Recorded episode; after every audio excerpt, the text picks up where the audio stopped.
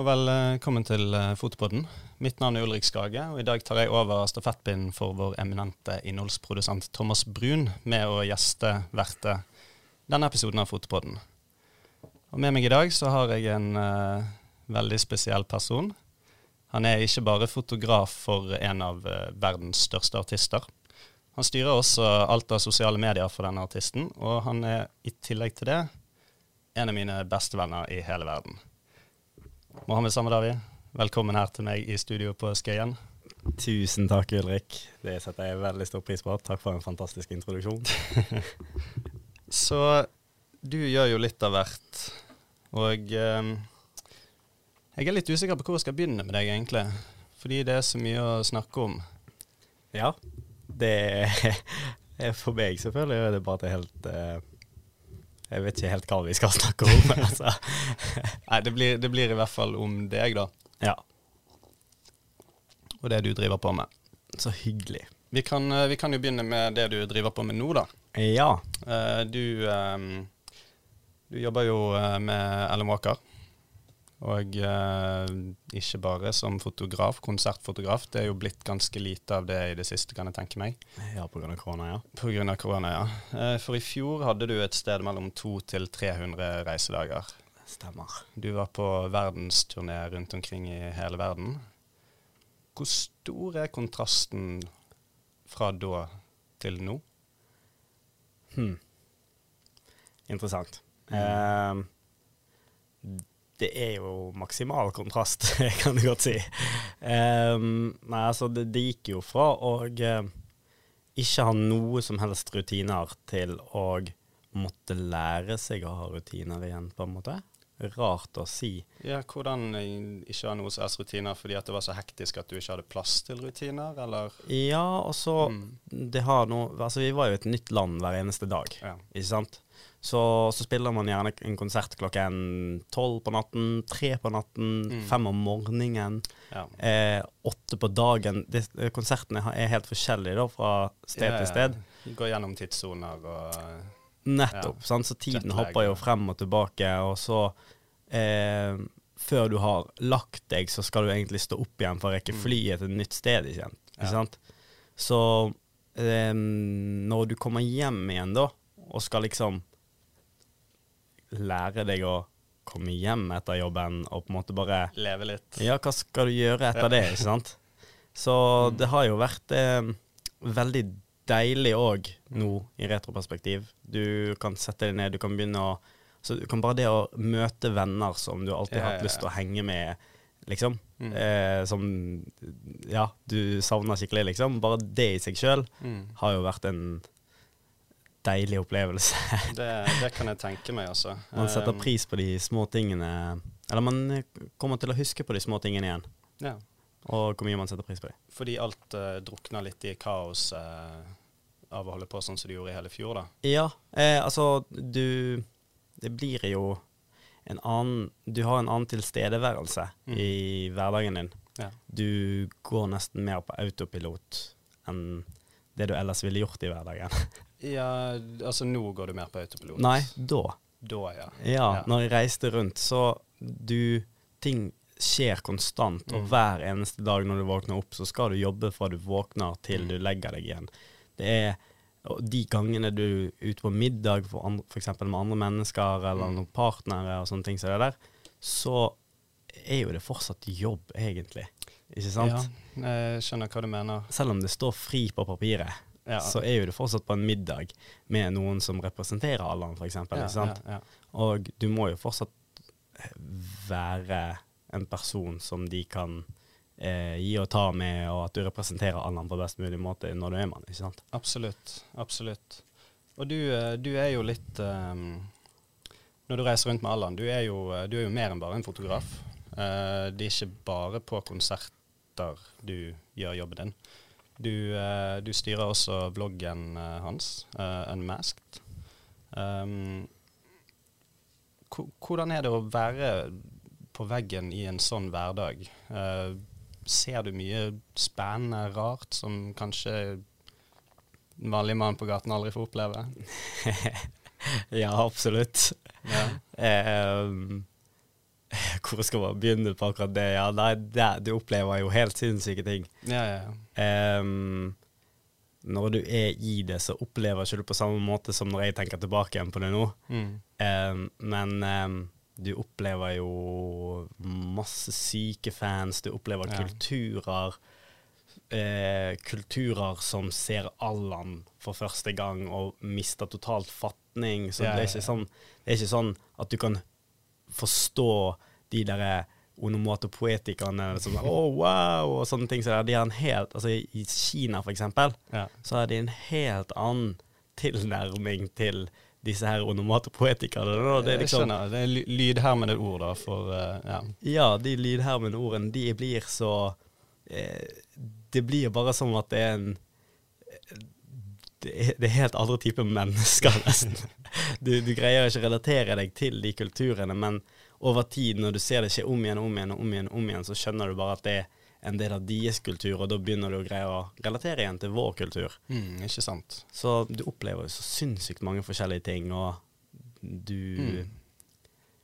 Ja, du, du det Perspektivet ditt er ikke det samme. Altså, du, du er på en helt annen planet. Det er ikke, det er ikke, det er ikke logisk, det vi holder på med, liksom. Det, Jeg skjønner, jeg skjønner hva du mener. at folk Um, mister fatningen over Allan, det er ikke logisk, liksom. Nei, for han er jo bare en helt vanlig person. Det er akkurat det, ikke sant? Um, og det er jo noe som um, Noe som gjerne blir avslørt med en gang man kommer litt bak fasaden og faktisk tar del av det maskineriet som kreves for å drifte et sånt prosjekt, da, på en Mm, måte. absolutt. For hvor, hvor, hvor mange er dere som reiser rundt sammen? Um, med meg til sammen blir vi da ca. seks personer. Ok. Seks personer, Da er det meg, da er det turnémanager, Mm. Allan sjøl selv selvfølgelig, eh, lysteknikeren hans Ja. og en VJ. Ja, ikke sant. Og så Det var fem, det, kanskje. Meg, turnémanager, Allan, Mhm. lys, VJ, Tour manager. Nei, um, pro produk pro prosjektmanager? Production pro manager? production Ja, manager. ja, ja, ikke sant. Ja. Og eh, jeg kan tenke meg at dere eh, Når dere er på turné, da, så, så skaper dere en slags eh, innelukket eh, intern atmosfære. Um, det blir jo mye reising, som du nevnte, men, eh, men eh, hva gjør dere når dere får litt fritid her og der? Du, eh, den sjeldne gangen det skjer, Mm. så sitter jeg mest sannsynlig og redigerer. Ja, ikke sant? Så uh, Men de gangene jeg faktisk har greid å tatt fri og sånt, så er jo det det å egentlig bare møte de menneskene i Mm. disse landene du er i. Fordi det er jo når- du har den time, de timene med fri, da, så skjønner du at jeg kan jo ikke bare ligge på hotellrommet. Jeg må jo, jeg må jo ut og møte mennesker. Jeg må jo Ja. sende mel meldinger til den ene personen jeg kjenner her borte, som jeg faktisk kan møte, liksom. Eh, og kan vise meg rundt i byen. Ja. Så du, det handler For min del, da, personlig, så elsker jeg å gå rundt og oppleve nye kulturer. Og gå Mm. litt på sånne lokalsjapper og spise mat og sånt. Eh, selv om vi egentlig ikke kan det. Ja. På grunn av de, hvis det er noe matforgiftning, så er du knocket ut i syv gigs, og det er syv dager. ikke sant? Det er et veldig godt poeng. Så vi, har alltid, vi passer alltid på at altså hvis det kommer sånn salat og sånt eh, backstage, og alt sånt, så kan vi egentlig spise Vi må nesten spise pizza for at vi vet at det er Kan man stole på. Mm. Har det hendt tidligere? Så er det av uh, Har dere gått på en smell før og lært ja. av det? Har det Ja, vært konserter som har blitt avlyst pga.? Ikke avlyst. Nei. Det skal veldig, veldig veldig mye til for at vi avlyser en konsert. Mm. Det er nesten umulig, holdt jeg på å si. Eh, Korona er det eneste jeg har opplevd som greide å ta knekken på så mange konserter på en gang. Ja, der forsvant vel en hel verdensturné til, kan jeg tenke meg. Ja, der forsvant jo Det forsvant jo nesten et helt år med konserter, det. Ja. Det er 200-300 konserter som nesten bare ga. Og, og jeg, vil, eh, jeg vil snakke litt om det òg, men, men, men før vi går videre på det, så, så vil, jeg, eh, vil jeg fortsette å snakke litt om, eh, om det å være på turné. Mm. Um, fordi for våre lyttere så er det veldig interessant å um, Eller og for meg òg, for så vidt, Mm. så er det veldig interessant å vite fra deg som har opplevd dette first hand, da. Mm. Um, hvordan er prosessen i det? La oss, la oss bare isolere én situasjon der du er på en, eh, en konsert. Mm.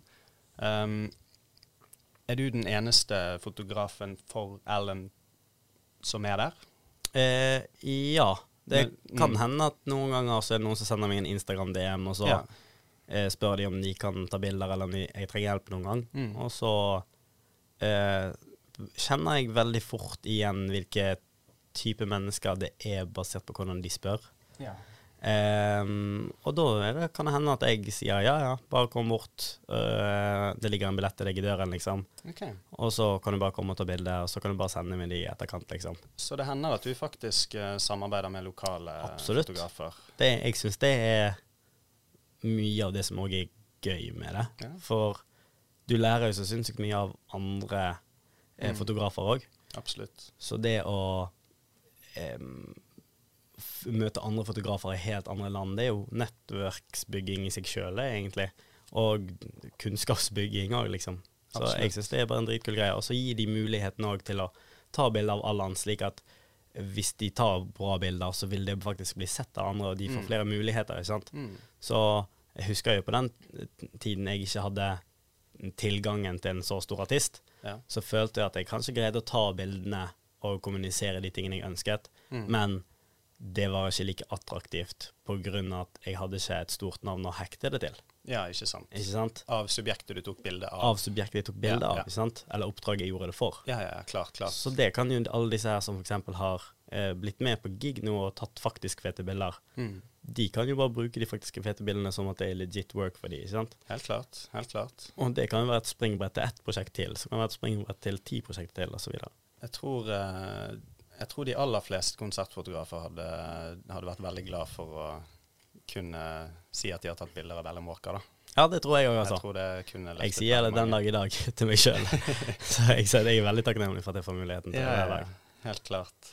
Og jeg husker jo um, Ja, som du nevner, det har jo ikke alltid vært slik at du har hatt uh, kontakt, kontaktnettverket eller renommeet som på en måte tillater deg å gå gjennom disse dørene her, da. Mm. Uh, så jeg må jo bare berømme deg for at du har den approachen nå som du faktisk er der. Mm. Nå som du har klatret litt i hierarkiet, så, så um, lukker ikke du døren bak deg og låser den. Ja, nei, absolutt ikke. For det er Det vil holde på så lenge jeg er her. Ja, nei, men det, det, det er veldig fint. Jeg syns, uh, jeg syns flere burde hatt den mentaliteten i uh, kreative yrker.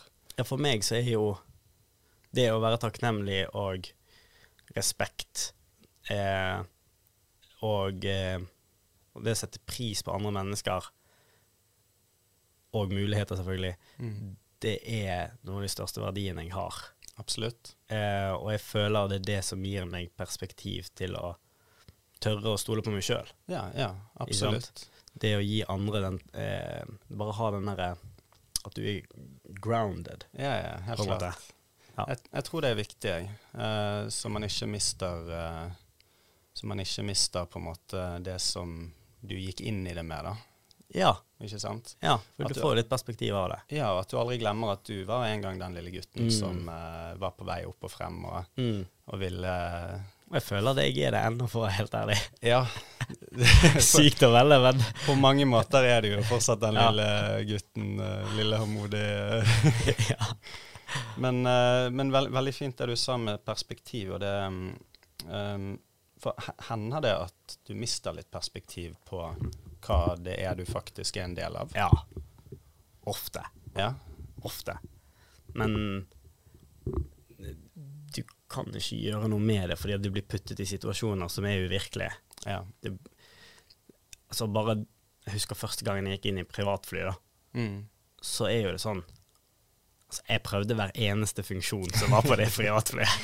Jeg ville gjort akkurat det samme. Jeg satt og trykket på hver eneste knapp jeg så bare for å gjøre det. Jeg, altså, jeg var tre år igjen, liksom. Jeg tror jeg har videoer av det. Jeg ser for meg, jeg ser for meg det. Jeg mener jeg husker du sendte en snap. Ja, jeg husker Allan satt og lo av meg første gangen jeg gikk inn i det flyet og var som en kid. Altså. Men så tar du det flyet 15 ganger til, da. Ja. Og så er du dritsliten idet du kommer inn i det flyet. For du tar ikke det flyet med mindre du skal rekke noe. Det er ikke sånn at du bare Nei, nei. tar et privatfly og tar et privatfly. Ja. Ja. Det skjer jo av og til med den gutten der. Men det er ikke sånn man gjør det til vanlig. Nei, nei. Så klart. det er jo hektisk Mm. eh, når du vet at du skal ta et privatfly. Så du blir jo vant til det på den måten. Mm. Men for andre mennesker så er det sånn derre de har fortsatt Setter ikke du pris på det? Ja, ikke sant. Men ja. Jo, jeg setter pris på det, men jeg må fortsatt sove. ja. Det er vanskelig å sette pris på noe som man uh, er vant med. Uh, noe som eh, og, og det spiller ingen rolle hva det er. Alt, alt, som, uh, alt som virket veldig fjernt for deg tidligere. Mm. Når du først har oppnådd det eller fått det, og hvis det blir en um, gjennomgående tilstedeværende ting i ditt liv, så vil man Det bare ligger i vår natur at vi Mm. ender opp med å ta ting litt for gitt. da. Du husker kanskje når du fikk din første 500-lapp? når du var veldig liten kid? Jeg tror ikke jeg, okay. jeg, tror ikke jeg husker første, men jeg, Jeg jeg, husker det som faen. du gjør det, ja. ja. Fordi for meg så var 500 kroner som om det var en million Ja, ja, ja. kroner. Og nå er jo 500 kroner fem turer på butikken. ja. Kanskje færre. Kanskje færre. én tur på butikken. Ja, og nå når jeg var på butikken og skulle kjøpe noen pils, så er jo det 500 kroner rett ut døren. Men jeg har blitt vant til hva 500 kroner er, Ja. ikke sant? Så Og, den, og det har jo forandret seg litt med alder og tid. Um, Selvfølgelig. 500 kroner da var uh, Ja, da var det godteribudsjett på uh, to måneder, på en måte. Fair enough. Fair enough. Mens nå så Ja. Det um, inflasjon og alt det der. Hele regnestykket. Men uh, kult. Hva, hvordan um, Jeg kan jo tenke meg at det er ganske høyt press uh, mens du er på jobb. Um, det er jo igjen sånn Det med å venne seg til ting som, som gjør at man tar de litt for gitt. Mm. Uh, på motsatt side, eller en, en annen side av saken, så venner man seg jo òg til um, press og stress. Og eh, har det vært en reise for deg? Noe du har måttet uh... Ja. Ja. Det har vært en reise for meg, og det er fortsatt å være en reise. Og det har jeg skjønt kommer til å være en reise for resten av livet mitt. ja. Det er Til mer du progresserer, til mer du vil progressere, og til mer du um, Du skjønner at eh, uansett hvor glad du er, så er livet der. Og livet, det Du, du blir vant til å bli glad, da. Ikke Ja. sant? Og så opplever du noe kjipt, for eksempel. Så, blir, så blir, tar du den kjipe tingen veldig nær deg, fordi at for eksempel eh, hvis, du tar, hvis du glemmer å ta bilde av et øyeblikk, da, ja. ikke sant? Og du visste hvor viktig det øyeblikket var eh, for partnere, og hvor mye det ja, egentlig har kostet Ja, ja, for å sette sammen alt det der greiene der. ikke sant? Absolutt. Så går du glipp av det bildet, og du mister det minnekortet, Mm. eller noe i den dur. Det går på et så personlig plan. Det, det går ikke på at Det går ikke lenger på de der pengene som har blitt puttet inn i det. Det blir, putt- det blir mer på at hvordan greide jeg å gjøre den feilen som ikke skal gjøres Ja. i det jeg elsker å gjøre. Absolutt. Um, og ingen vil jo begå de feil eh, der. Men- Nettopp. Og så tar du det ja. på toppen av press. Mm. Ikke sant? På toppen av det at du må springe frem og tilbake og sånt, så tenker du sånn her, ja, ja, men jeg hadde så sinnssykt mye annet å gjøre på. Men det du skjønner i den situasjonen når du jobber med en så stor artist, er det at det spiller ingen rolle. Nei, nei.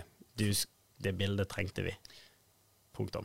Å ja, sånn ja. Ja, ikke sant. Jeg, Ja. jeg begynte å tenke at kanskje dere har eh, titusenvis av bilder fra andre konserter som ser ganske ganske ja. like ut, så Nei, dere kan nei, bruke. nei. For det, alt dette her, og det handler også sånn som Allan sitt brand, da, Mm. så er det veldig viktig at vi holder det nytt eh, og ikke, Selv om man har samme outfit på seg, så bet, eller sam, selv om man har Ja. eh, samme outfit, outfit på seg, så betyr ikke det at vi kan bruke det bildet som alle fans og alle sammen har sett før. Nei. Fordi at da vil du få følelsen av at OK, Allan fornyer seg aldri. Ja, ikke sant. Ikke sant? Nei, Bare det- hårsveisen hans kan være en stor nok forandring til at du bør Mm. ta et nytt bilde. Absolutt. Ikke sant? Og um, det, det, der har jo, det der har jo litt med viktigheten rundt en hyppig oppdateringsfrekvens å gjøre. Um, og du som jobber med sosiale medier og content, um, uh, skjønner jo det veldig godt. Og eh, altså Er det vanskelig å holde tritt med, eh, med presset om å alltid fornye seg? Og alltid oppdatere seg, og alltid være aktuell. Og alltid please fans. Om det er eh, press rundt det. Ja, føler du at, uh, føler du, at du mestrer det? Mm, det er subjektivt. Jo, det er jo det. Eh, du kan alltid ha en bedre sosiale medieprofil. Ja. Det fins ikke noe som heter perfekt sosiale medieprofil. Nei. Det er subjektivt. Den personen som mottar informasjonen, det er den som Det er resultatet av sosiale medieprofilen din. Ja. Så om du har tatt verdens kuleste bilde, så betyr ikke at det er verdens kuleste bilde idet folk ser på det. Ja, ikke sant. Men det er verdens kuleste bilde for deg. Ikke sant? Så det er veldig mange som prøver liksom å finne ut sånn hm, skal jeg gjøre skal jeg, Bør jeg poste, dis- eh, bør jeg poste sånne eh, lifestyle-greier der jeg hopper ut av fly og sånt, bare fordi at det er det andre får likes på? Mm. Eller burde jeg faktisk poste videoer om meg som sitter og er geek på lys? Ja, ikke sant. Ikke sant? Ja. Den, hvorfor akkurat den lyspæren eh, gir bedre hudfarge enn den andre lyspæren. Og det kommer jo an på målgruppen, ikke sant. Eh, Det vil jo treffe én målgruppe. Egentlig ikke. Ja, Eh, det, ene- det vil jo treffe forskjellige målgrupper, men, at det ene, men til slutt så er jo det hva er det du sjøl Mm. interesserer deg for til en sånn grad at det greier å smitte over på andre mennesker som òg interesserer seg for det samme, Ja. og kan lære av deg. Ja. Og da trenger ikke de å lære av deg fordi du er en ekspert, men Nei. lære av deg fordi at du eh, Lidenskapelig interessert i det du driver med. Lidenskapelig, men ikke bare det. Mm. Men òg det at når du tar noen med og, på din reise og deler din reise, Ja. så kan det være det er veldig mange mennesker som er på akkurat samme punkt som du er i din reise. Og derfor er du kanskje tre dager foran de da, i tankerekken. Og derfor kan den ene tankerekken du deler med de da, på den ene posten, Mm. gjøre at de får en åpenbaring før de hadde fått den uansett, liksom. Jeg skjønner hva du mener. Så, så på mange måter så handler det om å treffe andre mennesker, da. Og, Ja, det handler om- inspirere og um, Verdi til andre mennesker. mm. Det er flere mennesker du greier å gi verdi til, Mm. samtidig som gir deg sjøl verdi, til større blir kanalen din over tid. Ja. Jo mer konsistent du er, jo mer kommer moment bygger du. Mm. Og uh, Allan har jo um, har jo samme team som han har hatt uh, hele veien, har han ikke? Mer eller mindre? Ja, altså, teamet bytter jo seg hele tiden, Ja. men uh, det, det um, Tour-crewet, Ja. det har mer eller mindre vært det samme, bortsett fra det siste året. Da har det vært litt sånn Bytting. Og så er kjernen av eh, managementet hans, som jeg jobber i nå, mer Um, Det har jo vært ganske mye likt, i hvert fall kjernen. Mm. Og så har det vært en del utbytninger, selvfølgelig. Ja, ikke sant. For det, det er Gunnar Greve og Yes, så det, er Gunnar Greve han eier eh, managementet, Ja. og er manager for Allan. Så har vi en daglig leder i managementet som heter Jonas Arigai, som er partneren til Gunnar. Ja, ikke I sant. mer. I mer. I mer, ja. Så mer er management. ja. Så mer representerer Allan som artist. Ja. Så Allan er klienten til mer. Ikke sant. Så i begynnelsen så begynte jeg å jobbe direkte for selskapet Allan Walker. Ja.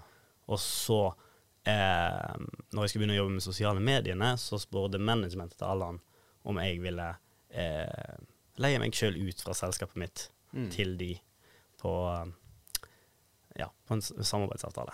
Men uh, er du fortsatt på samme avtale? Ja. Ok, ikke sant. Så du er basically frilanser, da? Ja, så jeg har mitt eget selskap Ja. som leverer uh, video- og sosiale medietjenester. Ja, ikke sant. Og da leier jeg meg sjøl ut Ja. til managementet. Fordi, ja, Det er jo en ganske, ganske grei måte å gjøre det på. ja, det er veldig fint. Men um, jeg tenker, du, du har jo reist rundt i uh, hele verden. Um, får, får du sett noe av verden mens du er ute? Mm, Nei, det vil jeg ikke si. Ingen, ingenting? Jeg får jo sett alt og ingenting. Ja. Um, har sikkert vært oppimot 100-200 land. ja, ikke sant. Uh, men du, du Du lander mm. med flyet. Det står en bil utenfor og venter på deg. Du går inn i den bilen. Ja. Bilen kjører deg til hotellrommet. Det er allerede ferdig innsjekket, det, så når du kommer ut av bilen, så får du et kort rett i hånden din. Mm. Går opp på rommet ditt. Jeg går på toalettet. Så begynner du å redigere eller et eller annet greier, eller så må du bare sove. Ja. Så våkner du opp, og så skal du på konsert. Så går du tilbake igjen fra konserten, da står jo bil allerede klar på deg, venter på deg. Kjører deg til konserten. Etter konserten står en bil klar, kjører deg til hotellet. Når du er på hotellet igjen, så har du kanskje fem-seks timer til du skal rekke ut av det hotellet og rekke neste fly. Ja, ja, ja. Så du sitter og redigerer i to timer. Én time eh, etter hvert. Um, så får du fire-fem timer søvn, hvis du er heldig. ja. Så er det en ny bil som venter på deg om morgenen. Kjører til flyplassen. Så jeg vet at det høres veldig simpelt ut, men det er faktisk sånn hverdagen er. Ja, nei, men det, det Altså, det, det, det er veldig, det er jo et veldig glorifisert yrke.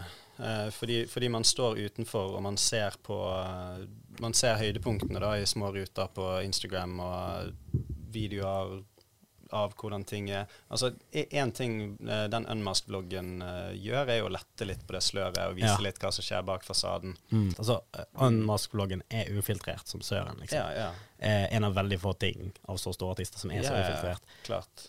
All, nesten alle aspekter av livet til Allan er planlagt, er og må være planlagt. Ja. Ikke sant? For han er Han er en mann med lite tid.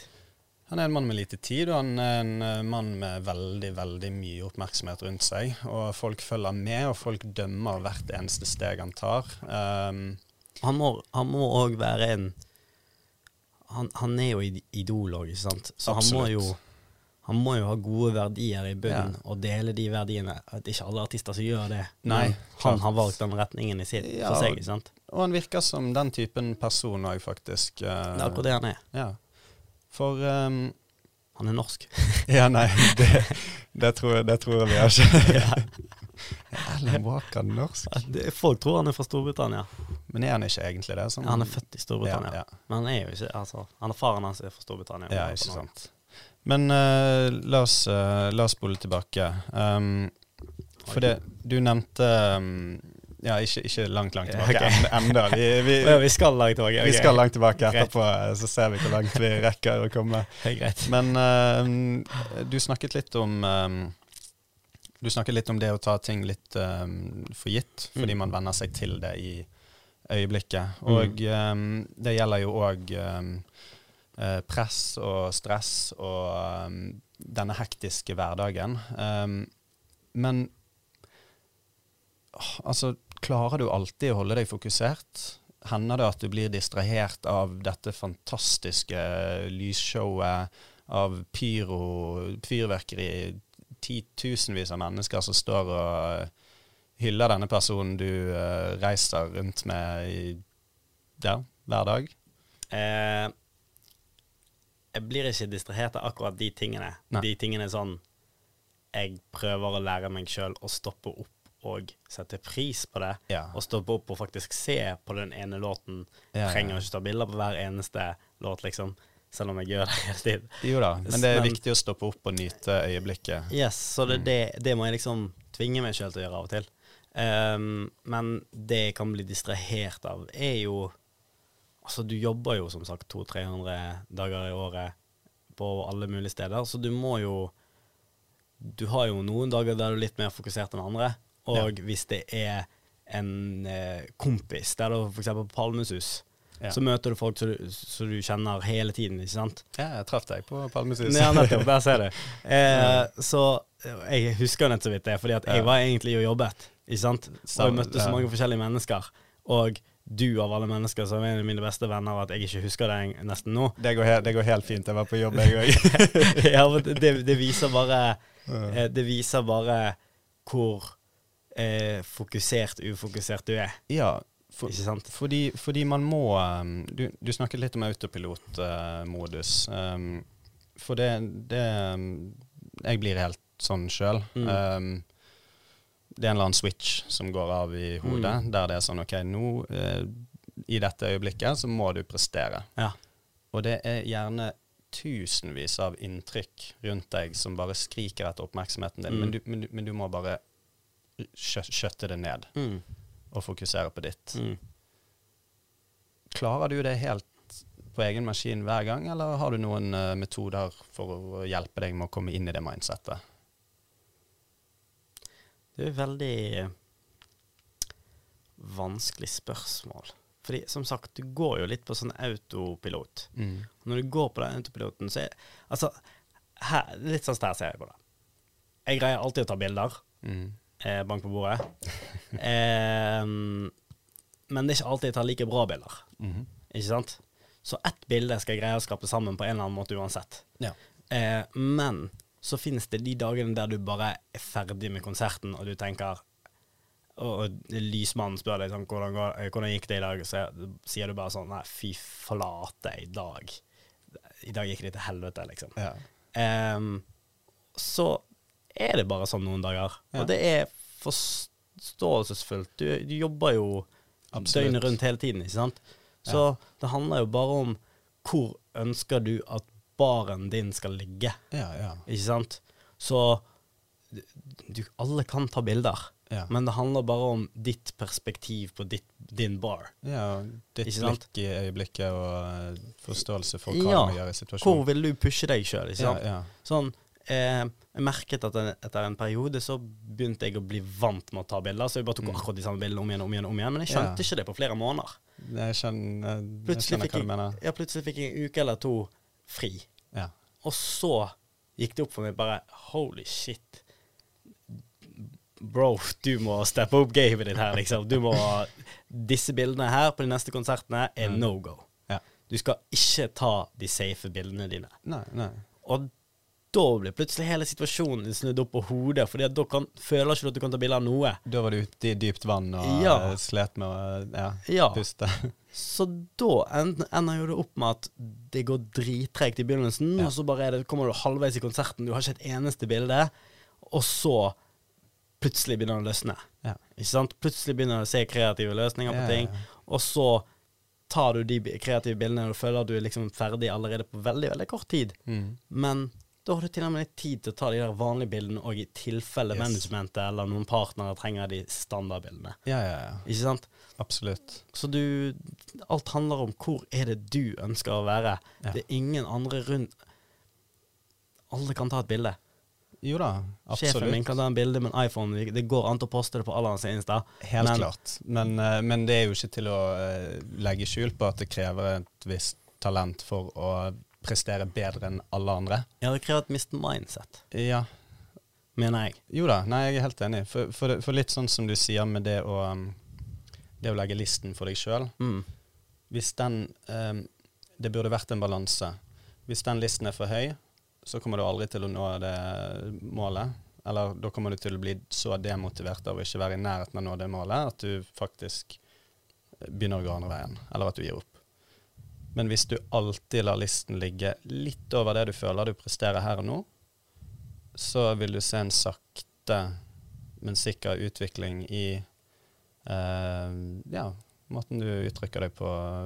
Ja, jeg er enig og uenig. Ja, Fordi at forklar. eh, Nei, altså, du har jo helt rett med at hvis du putter et et Mm. mål eh, som du kan faktisk nå litt over deg, liksom, Ja. eh, så kommer du i hvert fall til å føle det bedre? Mm. Men hvis du ikke har et mål som er uoppnåelig, Ja. så kommer ikke du til å vite hvor du er på vei hen, som i, lang, i okay. lengre ja. sikt gjør at du er misfornøyd med det, eller du, du føler deg lost. Ja, nei, men det, det, der er jeg enig. Okay, la, Så du må ha delmål. ja, la, la meg Ja. omformulere litt. Du bør legge listen såpass høyt at det er et nærmest Ikke nærmest. At det er et uoppnåelig mål, da. Uoppnåelig. Ja, dit skal jeg. Ja. Um, det kan være hva som Lage første fotostudio på Mars. For eksempel. Jeg tuller faktisk ikke. Det er liksom Nei, nei, ja, absolutt. Og så delmålet der kan kanskje være sånn OK, la oss begynne med månen. Yes. Uh, Eller eller la oss begynne her på Nettopp. kloden. La oss begynne her på kloden. Ja. La oss begynne byen du bor i. ja. Ikke sant? La oss ta det til Sverige neste gang. Mm. Ikke sant? Du, jeg lever livet mitt som at jeg har aldri kommer til å dø. ja. Fordi at hvis du aldri kommer til å dø, så har du alt Så på et eller annet tidspunkt så har du muligheten til å gjøre akkurat det du drømmer om. ja. Uansett hvordan du snur og vender på det. Men hvis du lever som om du aldri kommer til å dø, Mm. tenker du at du har all the time in the world? Ja. Mm. Men så har, jeg, så har jeg den Counterintuitive. Så Jo, veldig counterintuitive på en måte. Men ved at du har et mindset som tenker at du har all the time in the world, så betyr det at alt er mulig. Ja. Men så kommer det en annen del av mindsetet ditt, som er hvor flink ønsker jeg å være for meg sjøl? Ja. Hva er det jeg ønsker å skape for meg sjøl? Mm. Ikke sant? Og det er jo det beste mulige bildet. Så jeg rekker aldri å Jeg rekker aldri å eh, tenke at OK, nå kan jeg chille han. Fordi at for meg så handler det ikke om å chille han. Det handler om å Jage det beste bildet. Ja. Ja. For meg så handler det om å kommunisere dette bildet på en annen Ja, måte enn jeg gjorde sist gang. Hvordan kan jeg få menneskene som sitter og ser på dette her, til å forstå dette bildet slik jeg ønsker å formidle det? Mm. Ikke sant? Den videoen jeg filmer nå, hvordan kan jeg filme den for å få de til å forstå det? Ja. Og det er jo kan, det kan du jobbe med for alltid, Helt klart. ikke sant? Altså det, det, det er mange forskjellige teknikker og det, diverse ting man kan bruke. Alt fra liksom perspektiv til optikk Yes. til eh, En milliard lys. til filter, til objekter ja, ja. til Det stopper aldri. Helt klart. Men det, det jeg mener til syvende og sist er mindsetet. Ikke sant? Ved å Mm. tenke over at du, har all, eh, du aldri kommer til å dø, så betyr det at det, det er ikke noe som sier at du ikke kan gjøre noe. Mm. Altså, du vinner i Lotto hvis du vedder i Lotto hver eneste gang for resten av alltid. Så kommer du til å vinne Lotto på, en på et eller annet tidspunkt. Ja, det, det er en stor sannsynlighet for Eller Det er en 100% sannsynlighet. ja, det kommer, Fordi at du dør aldri. Ja, ok. Jo, i, altså hvis Lotto aldri dør, og hvis du aldri dør Så vinner du Lotto på et eller annet tidspunkt. OK. Skjønner du hva jeg vil hen? Ja, jeg, skj- jeg skjønner hva du mener. Og det er det jeg mener med at hvis du, hvis du sier at du har Jeg har bare 60 år, Ja. så gir du opp før du har prøvd. Ja, fordi at du eh, De begrensningene får deg til å bli demotivert til i det hele tatt prøve. Nettopp. Siden det virker så uoppnåelig, og du har så begrenset tid på å oppnå det målet. Nettopp. Vi Mm. alle sammen kommer til å daue uansett. Så jeg orker ikke å være 80 og sitte og angre på at jeg ikke prøvde noe som kanskje jeg faktisk kunne greid. Skjønner? Er du med? Ja, ja. Så derfor tenker jeg heller at jeg lever for alltid. Ja. Og så får jeg heller daue ved å ha prøvd. ja. Det er bedre å prøve og feile enn å ikke prøve i det hele tatt. Det feiler ikke engang. Jo, men man feiler hele tiden. Ja, fair enough. Du feiler konstant. Du har, uh, du har vel feilet litt i livet, du òg? Feiler hele tiden. Ja. Er du uh, Er du takknemlig for uh, de feilene du har begått? Ja. De feilene er noen av de eh, Noen av de beste tingene jeg gjør. ja. Nei, men jeg, jeg er helt enig der. Altså, uh, em, for, for å kunne nå dit du er i dag, da. Og jeg vet at det høres rart ut å høre for Mm. deg, eh, fordi jeg kjenner deg. Mm. Men sett fra et perspektiv fra en som ikke kjenner deg, Mm. så tenker de OK, wow, du er 26 år, og du har allerede kommet deg hit. Ikke sant? Mm. Men jeg vet at du tenker med deg sjøl om at dette er ikke det. Mm. Dette er ikke hit jeg uh, uh, Dette er ikke toppen. Mm. Nei, jeg er takknemlig over at jeg er her, selvfølgelig, men absolutt. Ingen sier noe, noe som helst annet. Men, Mm. men det er fortsatt lov til å være takknemlig over det du har nå. Ja. Men ville ha noe annet, eller Mm. noe mer en gang frem i tiden. Mm. Um, hva er fremtiden til Mohammed? Interessant. Nei, jeg skal jo lage fotostudio på Mars, da. uh, nei, Vet du men hva, jeg, jeg er med. jeg kommer mest sannsynlig til å dra til Mars på, et eller annet, Mars på et eller annet tidspunkt. Jeg vet ikke. Det er bare et eller annet inni meg som sier at det kommer til å bli en eller annen sånn sci- sci-fi-opplegg. Jeg vet ikke hvorfor. Ja. Det er bare noe inni meg som sier at det kommer til å bli et eller annet sci-fi-opplegg. Det er noe inni meg som sa at jeg kommer til å jobbe med Allan for en del år tilbake. Ja, ja. Helt uten grunn. Det var noen ting som sa at jeg kommer til å begynne å jobbe med film inni meg. Mm. Det er bare enkelte ting i livet som bare har vært Det kommer til å skje, ikke tenk på Ja. det. Um, og det med universet og Mars og Mm. eh, romfart og hele den derre marken i verdenshistorien Mm. overfor det, syns jeg er superinteressant. Jeg er Eh, enig. Ja, det syns jeg er superinteressant, Så jeg Mm. føler jeg kommer til å ende opp der på et eller annet sted. Men for Ja. meg personlig, eh, akkurat nå, så er målet mitt mer konkret eh, å starte Altså at jeg har eh, blir økonomisk uavhengig, Ja. slik at jeg kan lage eh, Fotostudio på Mars. Nesten. Nei da. Det er for at jeg skal la, kunne lage eh, film. Ja. På den måten jeg ønsker å lage film, uten at jeg må være avhengig av andre sine penger Ja. og ta beslutninger basert på hva de mener jeg bør gjøre med filmen. Ikke sant? For jeg ønsker å kommunisere den filmen eller de filmene Ja. på den måten jeg ønsker å kommunisere de. Og det er så Mm. mange ganger jeg har blitt stoppet av å kommunisere de tingene fordi jeg må lage det for andre for at jeg skal kunne ha penger til å lage det. ja. Nei, det, det kan jeg relatere mye til sjøl, Ja. faktisk. Det, Så derfor jeg tok den svingen litt ut fra ut fra din egen vei. Ja. Ja, for da er det, da er det snakk om fiksjonsfilm. ja. Ja.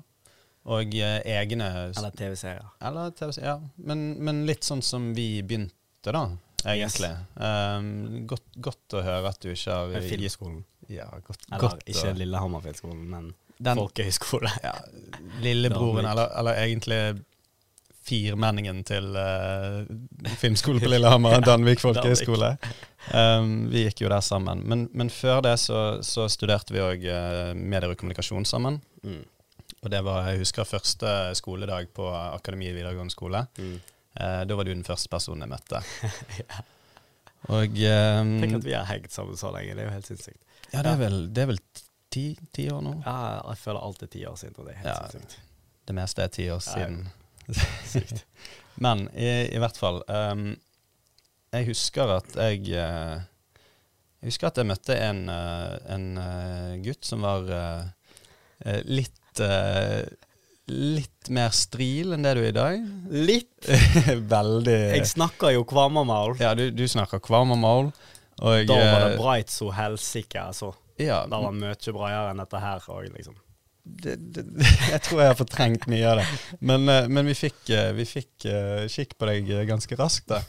Men, men fellesnevneren fra da til nå Mm. er at du har alltid Du har alltid vært en gutt med veldig store ambisjoner og drømmer. Og du har alltid jobbet hardt for å ta de stegene som trengs for å faktisk gjøre noe med den lidenskapen og de drømmene du hadde Mm. inni deg. da. Um, kanskje vi var heldige som hadde, et, uh, som hadde et miljø for det. Det tror jeg absolutt. Ja, fordi, fordi før um, Ta meg helt tilbake. Det ble født, liksom. før du ble født! da var jeg på Mars. ja, sant. Wow. Nei, altså Barnehagen, barneskolen Nei, nei, OK, beklager. Uh, det, var, det var litt sidetrack fra min, min side. Ok. Uh, ta, ta meg tilbake til hvor, uh, hvor oppsto um, Hvor oppsto din interesse for Mm. det ja, visuelle historieformidling, da? Ja Stemmer. Mm. Nei, så jeg bodde jo i en bitte liten bygd som het Øystese. Øystese, ja. Hens uh, the kvamermalsk dialekt. Så jeg bodde i en bitte liten bygd i Hardangerfjorden som het Øystese. Ja. Altså 5000-10 000 mennesker som bodde der, sånn cirka. Så alle kjente alle. ja. Um, Og da het du Hamodi? Da heter jeg Hamodi, for av en eller annen grunn så er det sånn i eh, araberland at vi sier Hamodi helt til du er 12-13 år, og så da, når du er blitt voksen, så heter du Mohammed. Det er litt som en eh, Pokémon som utvikler seg. Det, ja, vet du hva? Det er akkurat som en Pokémon som utvikler seg. Veldig godt resonnert. Ja. Eh, Takk. så eh, da utviklet jeg meg til å bli en Mohammed. Mm. Ehm, og ehm, så husker jeg at søsteren min en gang Eller pappa han hadde et sånt gammelt videokamera som bare lå inne på det datarommet. Ja. Eh, eller rommet på den tiden. Det var kanskje ikke data på den tiden. der Ehm, Så hadde han et sånt svært eh, videokamera Ja. der. Og det syns jeg alltid var litt rart, så jeg tok aldri på det, egentlig. Ja, det er bare Du bare lot, lot det ligge? Ja, pappa som interesserte seg for det. Ja, ja. Jeg hadde ikke noe med det å gjøre. Så um, noen år senere så kommer søsteren min. Hun hadde et litt, bitte lille, lite videokamera med seg. Fordi, og Mm. Hun kom med venninnen sin, fordi de hadde en skoleoppgave. Så spurte de meg om jeg kunne filme dem når de skulle bare si noe greier. Så jeg bare OK, greit. Så var det vinter, gikk vi ut på terrassen. Så har vi et sånn isglatt bord. Ja. Så, men for at jeg skulle få riktig vinkel på de, vet ikke ingen peiling hvorfor jeg satt og tenkte på vinkelen når jeg var sånn 14 Ja, nei, år. det, Nei, 10 år. hadde de det, da? Ja. Mm. Av en Vink, vinkel er viktig. Ja, jeg vet det, men du tenker Mm. ikke på vinkelen når du skal bare hjelpe søsteren din, så du egentlig er litt irritert over fordi dere har bodd sammen, liksom, og du er liten kid, og det er søsterkrangel og sånt. Ja. Uansett. Jeg gjorde i hvert fall det. Sto på det bordet, filmet ned på de, og så etterpå så så de på klippet, og så så de vi sammen med familien, og alle bare sånn Mm. Oi, shit, dette her var jo kjempestødig filmet. Så jeg bare sånn her Ja, kanskje det her er en greie. Nei, så begynte de sånn Ja. Kanskje dette her er en greie, det er en greie. Så jeg bare sånn Ja, sure. Så touchet okay. jeg aldri et filmkamera igjen eh, på flere år. Nei. Um, Men, men, men det sitter jo i deg, den Altså de komplimentene du fikk for, eh, for ditt første, første Tydeligvis. arbeid. Tydeligvis. På en rar måte så gjør det det. Skryt hjelper. Ja, tydeligvis. Skryt hjelper, foreldre. Skryt hjelper. Oppmuntre alle, alle deres barn til å utøve Eller utfolde seg kreativt. Og vet du hva? Gi Dette de er skryt. neste poenget. Dette her eh, understreker dette her faktisk enda mer. Eh, for jeg satt og spilte et spill som heter Runescape. Ja. 24 timer i døgnet. Det kan jeg tenke meg. Ja, fy søren så mye jeg gamet. så kom pappa inn på, eh, på rommet en dag og så sa han Kan ikke du gjøre noe fornuftig? Sånn som å lære deg Photoshop eller noe. Så jeg bare sånn Photoshop? Sa han faktisk det? Ja, pappa sa Photoshop. Han, han hadde åpnet det én gang. Wow. Så fordi han hadde lyst til å lære det, så sa han til meg sånn Kan ikke du lære noe fornuftig, sånn som Photoshop? Så jeg var sånn Ja, OK, greit. Men det kommer ikke til å skje, pappa, liksom. Jeg sitter her og gamer. Så gamet jeg litt til, og så brukte, hacket jeg på spillet. Så jeg ble bannet. Okay. Og da kunne jeg ikke spille mer. For jeg Ja. orket ikke å begynne på en ny karakter når jeg har bygget den til mange hundre levels, liksom. Det skjønner jeg. Så åpnet jeg opp Photoshop, da.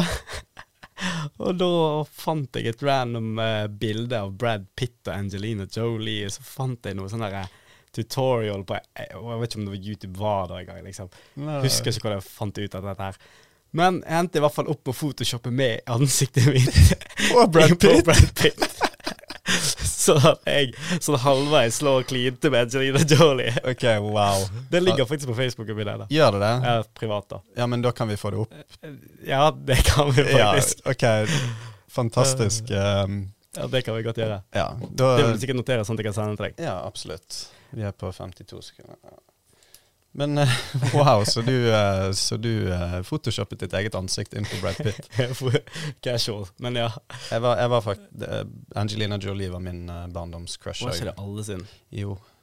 Var jo det. Ja. Hun var jo Tomb Rider, liksom. ja, ja, ja. Ja. Hun var livet til alle gitar. Men du lærte deg Photoshop. Jeg lær, lærte Eller- og lærte meg. Altså, jeg brukte Photoshop i hvert fall. Mm. Um, helt til jeg fikk RuneScape-accounten min tilbake. Uh, men Så var det på'n igjen. Så så var det, på'n på igjen i flere år, ass. så det var en veldig kort mm, Det var det. Ja, et kort kapittel med litt uh, kreativ læring, og så Ja. rett tilbake på Runescape med en gang. Rett tilbake på RuneScape. Gikk flere år. Så sa mamma og pappa at uh, vi skulle flytte Ja. fra Og for meg så var det Det var veldig kjipt. Ja. For alle vennene mine var jo der, og hele, verden du kjenner til, var jo Hele livet mitt var der. Ja. Um, og da var jeg kanskje sånn 15, kanskje? 14-15? Oh, ja, var, var du så gammel? Mm. Wow. Så det var sånn 14-15, 15, tror jeg var 15. Ja.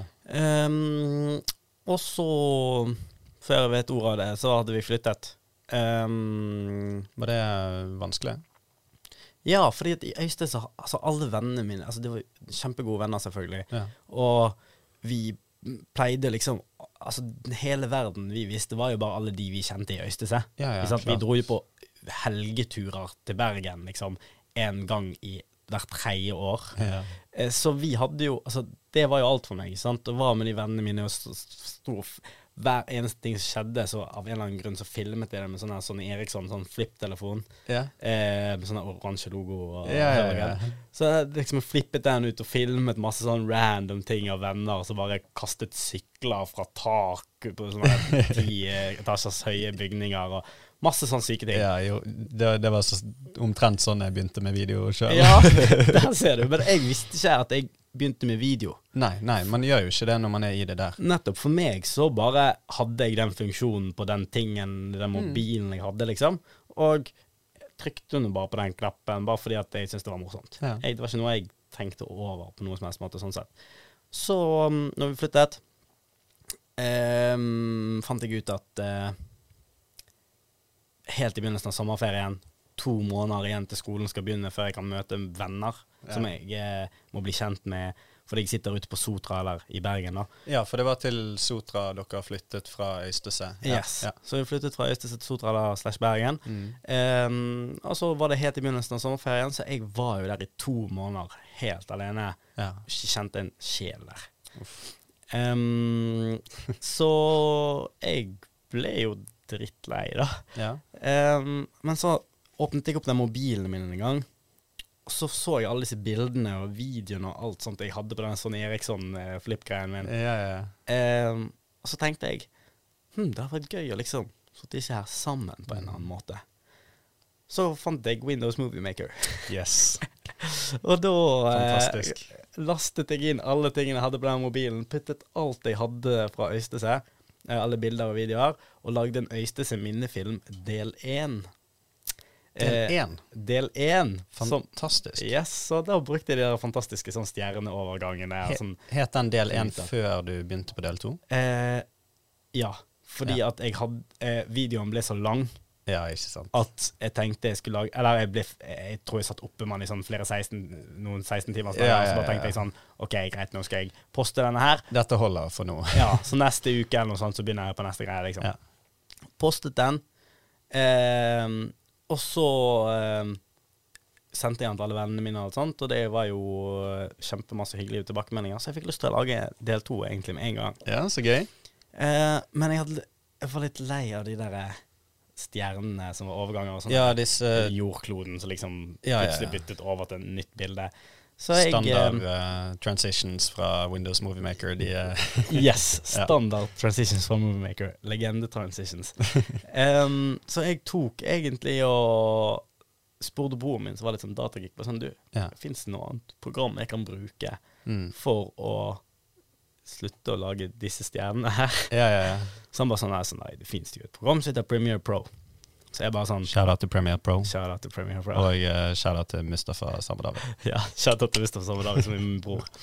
Um, så jeg lasta ned, eller får gå inn på LimeWire eller The Pirate Bay, eller hva søren du kaller det, Som man gjorde på den tiden. som man gjorde på den tiden, ja. Ja. Um, og lasta ned programmet som heter Premiere Pro. Mm. Em, jeg åpnet opp det programmet Eller første gang jeg åpnet opp det programmet, så satt jeg og Første gangen bare hele kjeven min bare droppet. det var mye. Det En helt annen verden. Det var, det var så mye knapper. Det var så mange vinduer. Hva, hva, jeg skjønte ikke greia med hvorfor er det flere vinduer i ett vind... Det var bare, det ble overkill i hodet Ja, mitt. ja, ja. Så jeg bare quit. Du ga deg med Jeg en ga gang. meg med en gang. Så da uh, gikk jeg inn på Windows Movie Maker igjen. uh. Lagde Øystese minnefilm del to. Så du gikk tilbake til Windows Movie Det, Maker? det gjorde jeg. jeg har vel, nå når jeg sitter, hører meg sjøl snakke om disse tingene som har skjedd, så føler jeg at jeg begynner på en ting, så har jeg avslutta det før jeg har fortsatt. Ja, det, det hender jo, men, uh, Ja. men jeg, skal, jeg, jeg skal prøve å finne poengene som går tapt. Ja. Um, Um, etter beste evne. ja. Um, men så det som skjedde da, Ja. etter denne Premiere Pro- Pro-episoden, eh, så lagde jeg minnefilm del to. Ja. Um, og så tenkte jeg egentlig ikke så sinnssykt mye mer over det. Skolen begynte. Mm. Um, Det var to måneder med sommerferie og ingenting å gjøre på et ny plass. Yes. Var ferdig, og du var klar for å møte dine nye skolekamerater. Yes, møte den nye verden, Ja. egentlig.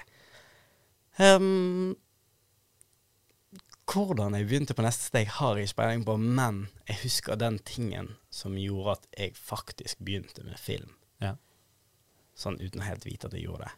Men det var Det var en livestream.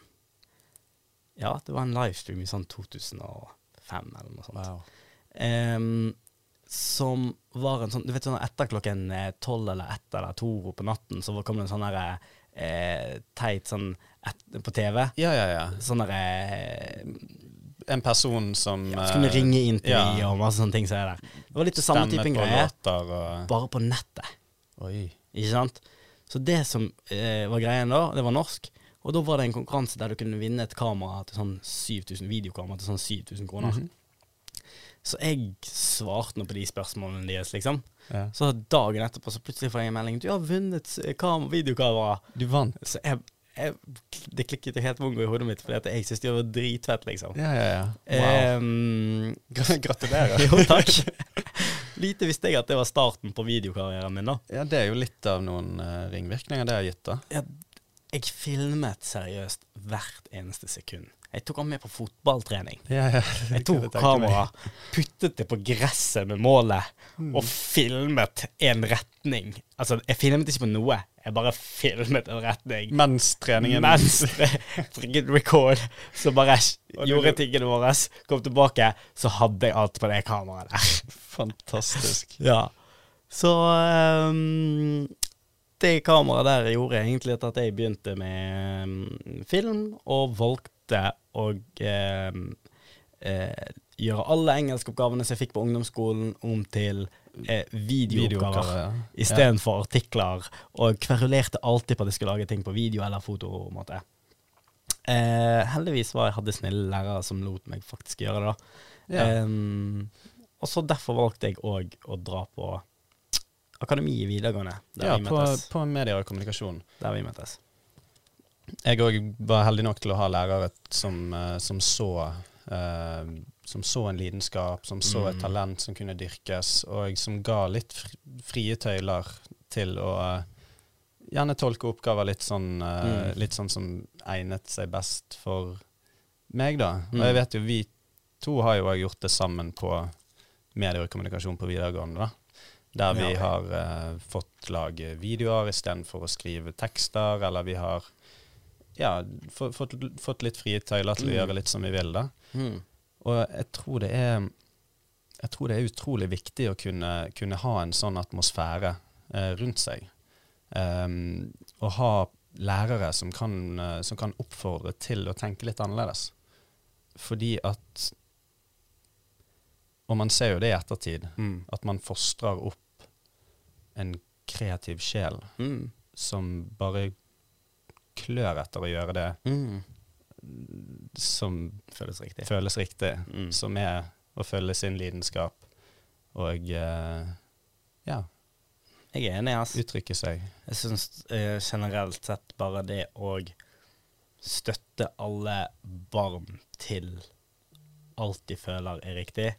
Ja, Eh, til en viss grad, kanskje. viss grad, liksom. Men Men ja. hvis noen sier 'jeg vil ikke spille fotball, jeg har lyst til å Danse. danse', Eller, ja.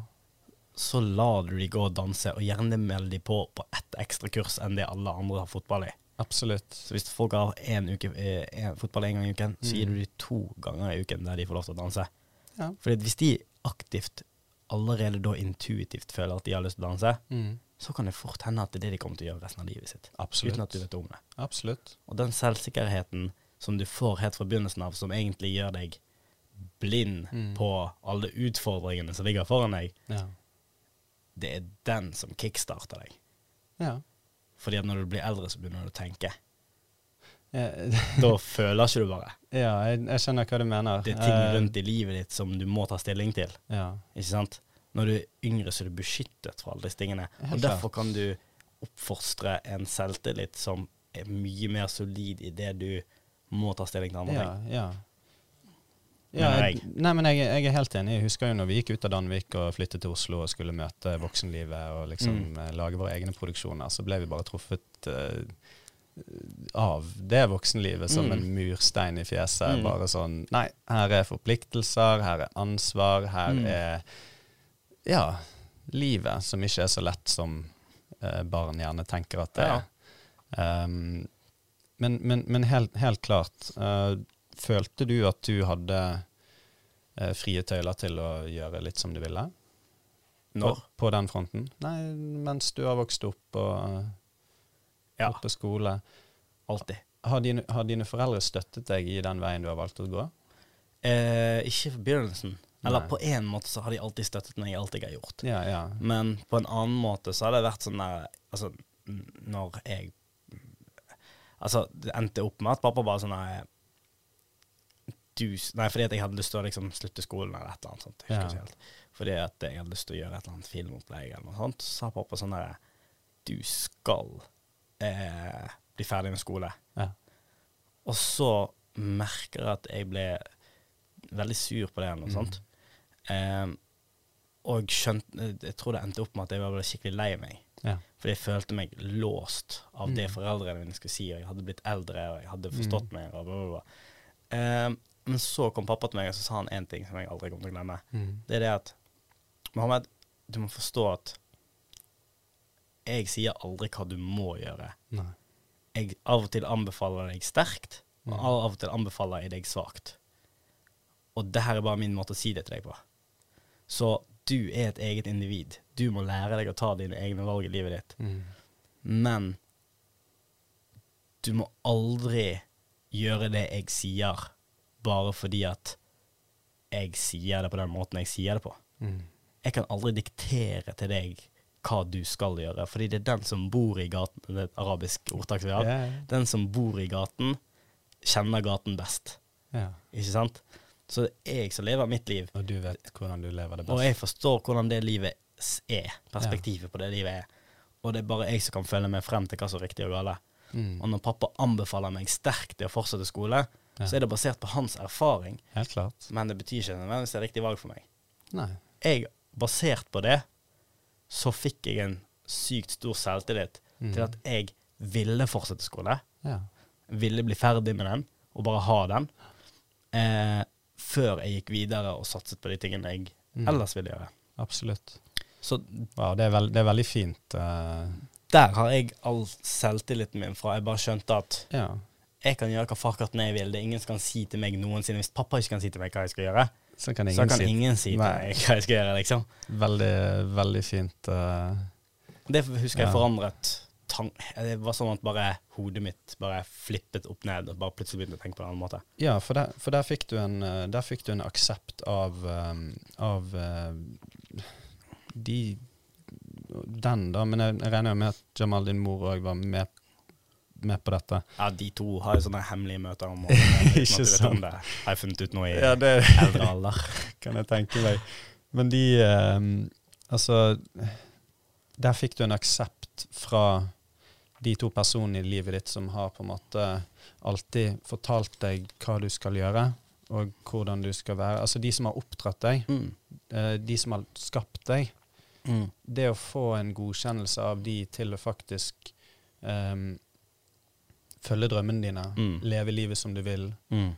og faktisk bare ikke ta det de sier som eh, på en måte at sånn er det, Mm. men mer sånn dette her er De har tross alt levd lenger enn deg. Ja, ja. De har mer livserfaring, de ser ting fra et litt Du annet skjønner jo ikke hva livserfaring betyr på det punktet heller. Ikke i den alderen der. Så for meg så Det der var bare en et, en liten del av det som fikk meg til å begynne å ta mer aggressive valg i livet mitt. Mm.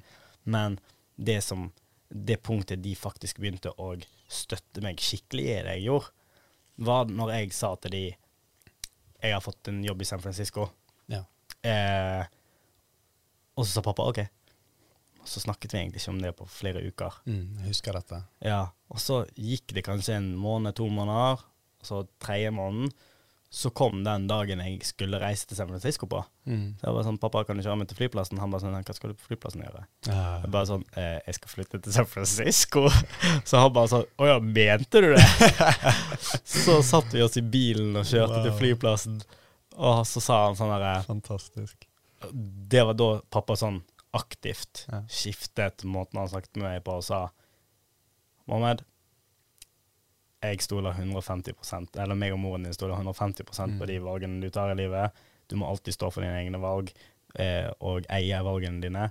Eh, vi er her for deg uansett, selv om vi har hele tiden sagt sånn at du bør prioritere skole og fortsette skole og sånt istedenfor å gjøre til filmgreiene Mm. så har du òg vist at du tar dine egne steg. Ja. Du viser oss at du òg er på vei med noen steder med dette. her. Ja. Du er ikke bare vekke hjemmefra i 18 timer i døgnet for ingen Mm. grunn.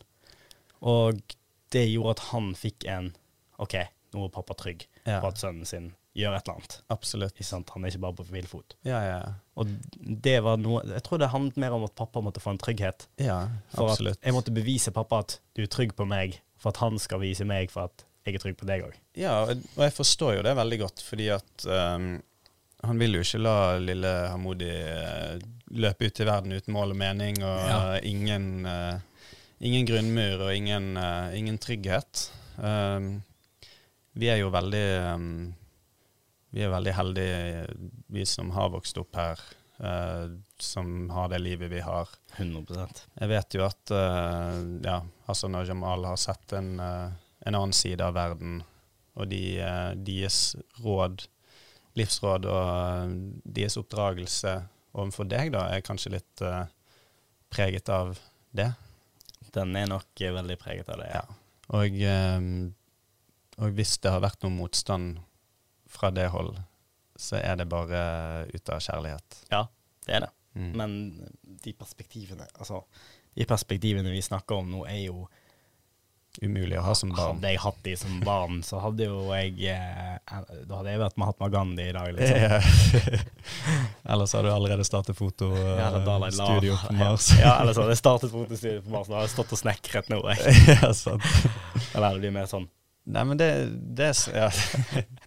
ja, men det, det er noe med det, fordi um, man må kaste seg litt ut i ting man ikke helt vet hva, Du må hva er. Man må feile for å få perspektivet. Det er de gangene jeg har kastet meg ut i ting at jeg Mm. har lært som mest. Samme. Det er ingenting som kan eh, si at intuisjonen din er feil, på en måte. Mm. Misforstå meg riktig. Det er liksom Har du følt på samme tingen over lengre tid, Mm. Så er du nesten dum som ikke gjør det. Ja. Fordi at Eller spesielt vi som er i Norge. Altså, idet jeg begynte å skjønne hvilken posisjon mamma og pappa har satt meg i, og i den Mm. posisjonen da, da mener jeg at jeg er til stede i Norge. Mm. Et av verdens rikeste land. Så hvis jeg velger å gi faen i alle jobbene Hvis Rema, hvis jeg ikke gidder å jobbe på Rema 1000, Mm. så kan jeg ringe Nav og si hei, kan du gi meg like mye jobb som jeg ville fått på Rema 1000? Så bare sånn, ja, Penger. det går fint. Ja, Ja. penger. Som gir deg en trygghet i at uansett hva du gjør Mm. her, så kan du aldri feile på et sånt nivå at du dør av sult. Nei. Når jeg reiser rundt med Allan nå, og er i India, og er i Kina, og ser de ikke så heldige sidene av Mm. verden, og bare når du reiser Vet du hva? Ta det til USA. Det er et land du kan faktisk kan relatere deg veldig Mm. close til. Vesten. Det landet du trodde var drømmen. Ja. Fy søren så mye fattighet og elendighet Mm. det er der av folk som bare har gjort enkle feil i livet sitt. Absolutt. Ikke sant? Og så har de bare tatt ett fe- valgfeil til, ett til, Mm. ett til, så bare, bare livet bare tatt Ja. en hel omvending, ikke sant? Og det er sånne ting som vi her i Norge ikke har forstått Altså, vi greier ikke å forstå hvor mye vi må sette pris på livet vårt. Eller, jeg er så sinnssykt takknemlig for at mamma og pappa gikk fra alle de kondisjonene de hadde i land, landene deres og så videre. Mm. Det var Og- Libanon og Syria, eller? Ja, Ja. og så at de da puttet meg i Norge, Ja. et av verdens rikeste land. Og det, det at mamma og pappa har gitt meg denne muligheten av å bo i dette landet her, skal ikke jeg waste Mm. i å sitte og spille PlayStation for resten av året mitt. Jeg kan spille Runescape, men nå kan jeg spille Runescape med god samvittighet. Ja. Ikke sant? Fordi jeg prøver faktisk å bruke denne muligheten de har gitt meg, til å følge mine drømmer. Ja. Ikke sant? Gjøre noe som jeg føler utfyller meg. Fordi jeg har alle muligheter i denne verden. Mm. Jeg kan gjøre seriøst akkurat det jeg ønsker å gjøre. ja. Og det er det så få Jeg, jeg blir nesten litt lei meg av å at folk stopper seg sjøl her. ja. De tar det for gitt. De, de, de vet ikke at det eksisterer engang. De vet ikke om noe annet. Er du med? Ja. De skjønner ikke at det eksisterer fordi at Ja, hvorfor de? det er jo sikkert et veldig bredt eh, eh, svar på. Men Ja. alt handler om mindsetet ditt. Du greier alltid å lære deg hva som helst så lenge hodet ditt vil lære det. Ja. Og så lenge man har riktige forutsetninger for å faktisk kunne klare det.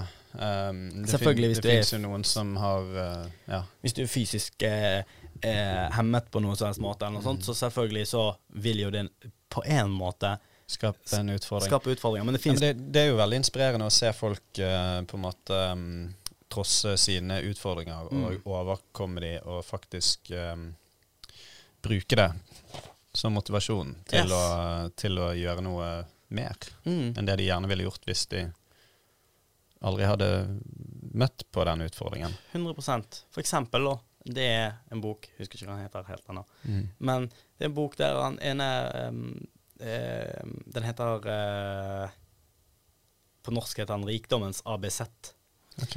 Um, der forteller han ene forfatteren om hvordan han brukte den teknikken som han forklarer i boken, eh, som ble, blant annet Franklin D. Roosevelt og mange andre eh, han har intervjuet, Mm. eh, har vært med i boken. Em, han forklarer hvordan han fikk Hvordan han brukte den teknikken som han forklarer i boken, til å få sønnen hans til å utrette det ingen trodde han kunne utrette. Okay. Så sønnen hans ble født em, uten hørsel. Ja. Så eh, Nei, han er veldig, veldig, veldig veldig svak karakter. Nesten Ja, ikke sant. Ikke eksisterende, nesten. Ja. Uh, og når han gikk på skolen da, så uh, etter første året, liksom, så begynte liksom eh, læreren å si til foreldrene, som var en av forfatterne, Ja. han må gå på en klass, spesialklasse, liksom. Ja, ikke sant. Og for, faren, forfatteren, han nektet. Han sa nei, sønnen min er helt liksom alle de andre kidsene, om ikke mer spesiell. Han skal være i den klassen. Så den her, han insisterte på det i alle år, så han vokste opp i klassen med de vanlige folkene, Mm. som gjorde at alle de mobbet han og styrte på bla, bla, bla. Men han, faren, har konsistent opp gjennom livet til denne kiden sagt til han inni øret hans Mm. du er spesiell.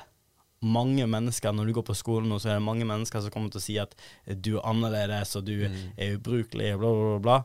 Men du hører fra meg, du er spesiell. Ja. Ikke sant? Du har noe stort i vente for deg, bla, bla, bla. Så den kiden trodde jo naturligvis var det. Ja. Men så kommer jo realiteten, ikke sant? Mm. Som gjør at oi, shit, nå skal holde han på å bli miste hørselen helt. Så det han gjør da, er at han plutselig får den energien igjen fra det faren hadde proppet inn i hodet på han, om at han, han kan. Og endte opp med at han startet et nytt eh, eh, Nei, han, han begynte å snakke med folk og sånne ting det der, som gjorde at han fikk muligheten til å lage sin egen eh, et eget device. Han skapte sitt eget device Mm. som gjorde at han greide å høre mer. Ok. Så dette her device revolusjonerende og hele pakken, som Altså, gjorde at hø høreapparat. så, Ja, høreapparat. Ja. Jeg, jeg tror det er høreapparat. Jeg er ikke helt sikker. Det var noe syke greier. Jeg vil ikke eh, Ja, ja, fortelle um, alt som at jeg husker det skikkelig. Men det var Jeg noe i den dur. Poenget mitt er i hvert fall at det var tilsynelatende umulig. Mm. Men det var mulig fordi han Trodde på det. Han trodde på det. Han satte ikke grenser for seg sjøl om at han måtte gå i den spesielle klassen. Nei. Han gikk på den vanlige klassen, så skapte han noe som gjorde at han ble vanlig igjen. Ja, ikke sant. Ikke sant? Og som igjen har hjulpet så mange andre mennesker i denne verden. Ja. Og la, la, la oss La oss bruke det som en um, Som en uh, sammenligning, da. Mm. Uh, til uh, Si at um, enhver kreativ person som har uh, store ambisjoner og drømmer innenfor et felt, Mm. um, det er uunngåelig at den personen har noen personlige helter. Og eh, andre mennesker som de gjerne ser opp til. Da er det veldig lett å føle seg som den spesielle personen i klassen. Eh, nei, fordi man sammenligner seg med alle de andre, ikke sant. Mm. At eh, det, det er litt som når vi var små og gikk på kino Mm. og så på film. Mm. Når vi gikk ut fra kinosalen, så ville vi Altså, da latet vi som vi var hovedkarakteren i filmen. det var jo eller- Spiderman. Ja, du var Spiderman, Ja, ja. du, var, du var Indiana Jones, du var um, Du var liksom Luke Skywalker, du ja. Batman. I'm Batman. Men ja. Og, eh, og, og det var mye, mye av grunnen til at du satt igjen med de følelsene, var fordi at uh, magien fortsatt var der. Mm. Uh, du så resultatet, Mm. du så det som hadde blitt skapt, men du hadde ikke peiling Mm. Du- på, på hvordan noen klarer å få det til. Mm. Ikke sant? Mm. Det, det, det er noe som oppstår i, eh, i et, et ellers helt normalt liv. Så har Mm. du to-tre timer der du bare ser gjennom et magisk vindu, Ja. og du bare ser uh, helt spinnville ting utspille seg som aldri kunne skjedd på ekte. Mm. Og du lurer på hvordan har de gjort dette? Ja, hvordan hadde de har de gjort det, ja. Ja, ja. Og da blir det gjerne en søken om å finne ut av det. Mm. Men etter hvert som og Jeg vet, for vi har snakket litt om dette før. Mm. Etter hvert som man på en måte går ned veien om å lære seg hvordan man gjør ting, Mm. etter hvert som man begir seg ut på en reise, si film, da, Mm. så vil man sakte, men sikkert mens man går ned den eh, stien, så vil man bryte ned eh, vegger Mm. og, sju, og, og avsløre eh, hva som ligger bak. Og da forsvinner magien litt, Mm. fordi man vet hvordan de har gjort det. Mm. Og derfor så tror jeg òg overfor seg sjøl at man alltid vil være veldig kritisk. Mm. Fordi magien eksisterer ikke i det man lager sjøl. Mm. Fordi man vet nøyaktig hvordan det er laget. Mm. Kan du relatere til det? Ja. Husker jeg når jeg lagde musikkvideo for Paperboys. Ja. Jeg eh, har de det notatene. Jeg tenkte vi skulle komme til det. Ja. Uh, vil du at jeg skal ta det nå, eller skal jeg ta det etterpå? Ok, okay la, la, la meg bare rase gjennom kronologisk Ok. først for å komme dit, ikke sant? Ja. Uh, du nevnte at du flyttet til uh, USA. Stemmer. Um, og siste steg vi kom på tidslinjen, da, eh, kronologisk, Ja. det var at du begynte på Akademi videregående på medier og kommunikasjon. Stemmer. Og det er jo mye, mange historier man kan fortelle, mye som, eh, mye som skjedde på de tre årene der. Eh, men jeg tror et av hovedpunktene må nok være når vi startet reklamefilmselskap Mm. sammen Mm. på siste året. Mm. Eller andre. Siste året. Nei, andre. andre Andre. året. Det var andre, faktisk. Ja, og da var det, da var det meg, deg, eh, sånn, shout-out til Sondre Alvestad og Joakim Lerretsen. Um, Dansa med en Ja, Cato. men, eh, men da var det mm, Da hadde vi frie tøyler til å utfolde oss ak akkurat sånn som vi ville. Mm. Og eh, jeg husker vi hadde høye mål, Mm. eh, høye ambisjoner med prosjektet. Eh, men vi var veldig flinke på å sette delmål. Var vi det? Vi var det. Tro det eller ei. var vi det? Ja. Wow, ok. Vi var det. det. Altså, det første vi skulle gjøre, var å lage en reklamefilm for oss sjøl. Hvem, hvem var det hvem, hvem var det sitt initiativ å sette opp delmål? Jeg tror det bare skjedde helt organisk. Wow! Ja. Pat on the back, ass. ja. Pat on the back. Nei da, det var, det var min idé. Ja, ok, greit, det, det var ikke det. Sikkert Sondre eller Ja, noe sånt. sikkert jeg. Men, men i hvert fall uten at dette skal bli for internt. da. Ja. Um, det første målet vi satte oss Dette var en ungdomsbedrift Mm. uh, som vi kalte for Klimaksreklame.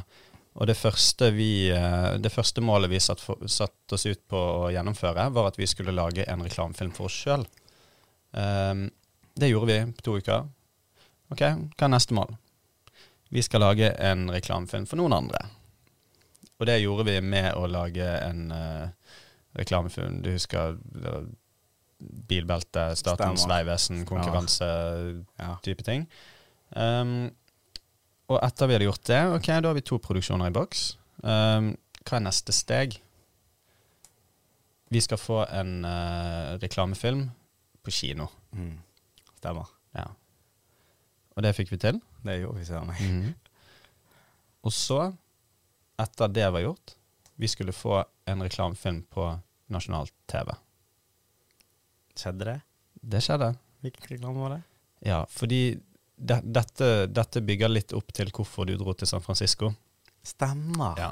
Fordi etter det året vi hadde hatt uh, uh, og nå, nå føler jeg nesten at jeg er gjest på denne podkasten, siden jeg snakker så mye. Hva skjedde etter det, Ulrik? Nei, men, men etter, uh, etter det året der vi hadde på en måte startet den ungdomsbedriften, så vant vi eh, beste reklamefilm på, på um, fylkesmønstring. eh, Fylke, jeg vet ikke om mønstringen. Venstre, men ja, Ja, det var noe ungt entreprenørskapsopplegg. Men vi Altså, året etter, når neste kull skulle starte sin um, sitt år da, Mm. eh, med ungdomsbedrift, så hadde vi takket ja til å holde et foredrag. Ja, stemmer. Husker du dette? Ja, dette husker jeg. K- kanskje du forteller litt uh, din side av hva som skjedde der? Um, jeg husker det bare sånn fragmenter, da. Ja. Men um, jeg husker nå at vi vi hadde glemt det. Jeg husker Hadde vi glemt Vi hadde, vi hadde glemt Hvorfor husker du disse tingene, ikke jeg? Nei, godt spørsmål, men nå, nå uh, Vi nailet den for, det foredraget, da. Det gjorde vi. Det husker du, og det, og Ja. det husker jeg òg. Og den gjennomgående tematikken i det vi snakket om Mm. Sett delmål. Hva, eish, hvorfor er det her så Har jeg fortrengt dette her? Helt sikkert, fordi det, det, var, det var et ganske intenst øyeblikk. Fordi vi kom på skolen på morgenen. Vi eh, så på datoen eller et eller annet, Mm. og bare Det er et eller annet som skjer i, i dag.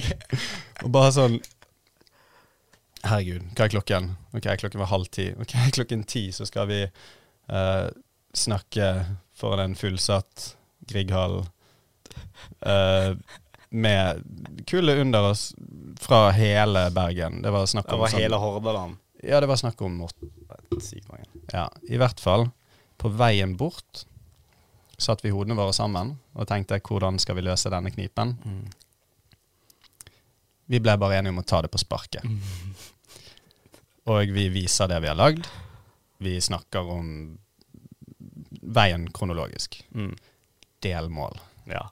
var det vi endte opp med å snakke om. Var delpunktene i framføringen. Ja, at du, at du har en klar visjon for fremtiden, Mm. men det, OK, si, si at du bygger en trapp, da. Mm. Du kan bygge første trinn der du står nå, Mm. Og du kan bygge det øverste trinnet. Mm. Men du klarer ikke å komme deg opp dit. Det er helt sant. Du er nødt til å sette steg for steg, Nettopp. og det er den beste veien til målet. Sant. Det har uh, du vært med å lære meg opp igjennom. Jeg har tydeligvis det, da. Ja, men liten, liten digresjon der. Um, egentlig hele poenget med at jeg si, sier dette Ja. Jeg skulle jo helst ønske at du kunne fortelle det sjøl, ja siden, siden, siden du er gjest og jeg er vert. Jeg Men, det. men uh, fordi Jeg blir bekymret over hukommelsen min. Ja, nei, det, det, må, Ja. det må du ikke være. Okay. Uh, det er bare mange, mange minner og ting som har skjedd er der oppe. Men det som skjedde da, Mm. når vi klarte å gjøre en ganske grei, eller bra jobb der, da, Ja. så kom vi i kontakt med mm, Silje, årets gründerkvinne, ja, hun sa til foredrag rett etter oss. rett etter oss. Ja. Ja. Um, Dette husker jeg, ja, ikke faktisk. sant? Dette husker jeg faktisk. Har du lyst til å fortsette på historien? Um, sånn jeg husker det, i hvert fall. Ja, sure. Etter vi var ferdig med foredraget, så eh, gikk jo vi bak den scenen. Mm. Så sto vi og snakket sammen, og litt sånne ting Så, der. Så sto hun òg der, Ja. fordi at hun skulle opp på neste, liksom. Mm. Som det. Så vi begynte bare å snakke litt med henne. Og hun skjønte at vi drev med film og sånne ting så det der. Mm. Og hun hadde jo sitt sånne selskap som heter Be Safe. Mm. Um, og så, rett før hun springer opp på scenen, så tror jeg jeg sa et eller annet til henne sånn her, Du, kan ikke vi få visittkortet ditt, eller noe sånt? Så kan vi lage Mm. filmer for deg, eller noe sånt. Jeg, jeg tror faktisk det var hun som spurte om vi var interessert i Var å lage filmer for dem. Ja. Sykt at hun sa det til oss i det hele tatt. ja, nei, men hun, hun hadde jo sett oss stå på scenen ja. og fremføre Stemmer. og snakke om disse tingene, og, tenk, og tenkt kanskje sånn Ok, her er, det, her er det en gruppe med mennesker som faktisk uh, har en sterk lidenskap for det de driver med. De har, uh, ja, de, de har gjort dette. De, det var vår pitch Stemmer. for å kunne jobbe med de. Stemmer. Wow. Og Jeg husker ikke dette likevel. Nei, ikke sant. Men, men bare for å rappe opp hele det kapitlet, da. Ja. Uh, igjen, det beste hadde vært om du kunne fortalt om dette sjøl, men jeg skal jeg, jeg, jeg tar det tror jeg jeg kan jeg, jeg tar det litt for deg frem Ja, til ja. ja, Og så tar du over stafettpinnen. Ja. Men um, um, det som um, Det som endte opp med å skje, var at ja, vi endte opp med å jobbe med det. Mm. Uh, og eh, de som eide skolen vår, endte opp med å prøve å kjøpe oss. Ja, stemmer. De prøvde å kjøpe oss ved å betale for aksjene våre. Aksje, for at de skulle bli et aksjeselskap. Låne. Låne stemmer. Låne- skulle låne oss stat- 100 000. kapital til å starte aksjeselskap mot at de fikk 51 Ja. på aksjemajoritet. Sykt med det. Men ja. Hva sa vi til det? Nei. Ja. Vi tenkte det var kult, for det var 100 000 kroner. Jo da, Men vi tenkte jo at det spiller jo ingen rolle, for det blir jo ikke vårt lenger. det er det. Ja. Det er det. Og hva skjedde så med Klimaks UB? Nei, Klimaks UB ble jo sin egen greie. Det, det ble ingenting etter det. Jo, men på en måte så fortsatte jo vi, ikke Ja. sant? Så sånn selve Klimaks UB sluttet jo på en måte fungere som i, i skolekontekst. Jo da, absolutt. Men vi fungerte jo fortsatt som Som folk som lagde film. Helt klart. Det var jo den måten vi tjente penger til russebussen vår, liksom. Det var Mm. da vi begynte å snakke med Silje, som ga oss oppdrag, og vi Mm. gjorde de oppdragene for at vi skulle dekke for pengene til alle de 20 andre på russebussen. ja. Fordi at ingen som gadd å selge toalettpapir. det var én person som solgte toalettpapir, og han solgte til hele familien sin. Ja, jeg tror mamma og pappa kjøpte alt uh, Ja, meg. det, var, det var du, ja! Det Kanskje var, det var meg. Det var du som solgte den ene batchen med sånn 200 rullepapir vi hadde. Og så ja. um, eh, dekket rett og slett BeSafe den andre delen. Mm. Og da eh, lagde vi sånne eh, antivoldtektsfilmer for de. Ja, for, fordi hele konseptet deres var at de, de utviklet en app som, eh, som eh, fungerte som en slags eh, voldtektsalarm, eh, som var tracking på eh, Som eh, ja, Stemmer. eh, på en måte kontaktet ja, Ja, og- myndighetene, politiet, de tingene der. Sendte varsel ut til folk. Og ve veldig, veldig eh, fin og viktig eh, eh, app. Stemmer. Ja. Så den eh, Så vi lagde jo reklamefilmer på de. Um, og tjente litt penger på det. Uh, dette her endte jo opp i at uh, vi egentlig ikke snakket så veldig mye med de i etterkant. Ja, fordi at vi to begynte på Danvik folkehøgskole i Drammen. vi flyttet Drammen. jo helt til Drammen. Ja. Så vil jeg at jeg skal fortelle videre herfra, helt Ja. til jeg kommer meg til San Francisco. Ja, ja, for all del. Ja, okay. Altså, vi, vi, vi har ikke tid til å gå gjennom et helt år med Danvik folkehøgskole. Men, men, men vi kan fall, du kan i hvert fall kanskje si noe om hva du fikk ut av det året. Ja. Eh, altså Danvik folkehøgskole var jo et eh, skoleår der du lærer litt om film og masse om livet. Ja. Um, men det du òg ikke helt skjønner, er jo det at eh, livet er jo like stor del av å lage film som det er å lage film. ja Om kan, ikke mer. kan du utdype litt der? Eh, ja, altså Hvis du bare har sittet inn Altså hvis du ikke forstår hvordan mennesker fungerer sammen, og eh, hvordan du skal kommunisere mennesker, hvordan ting blir oppfattet, eh, hvordan situasjoner oppstår, hvordan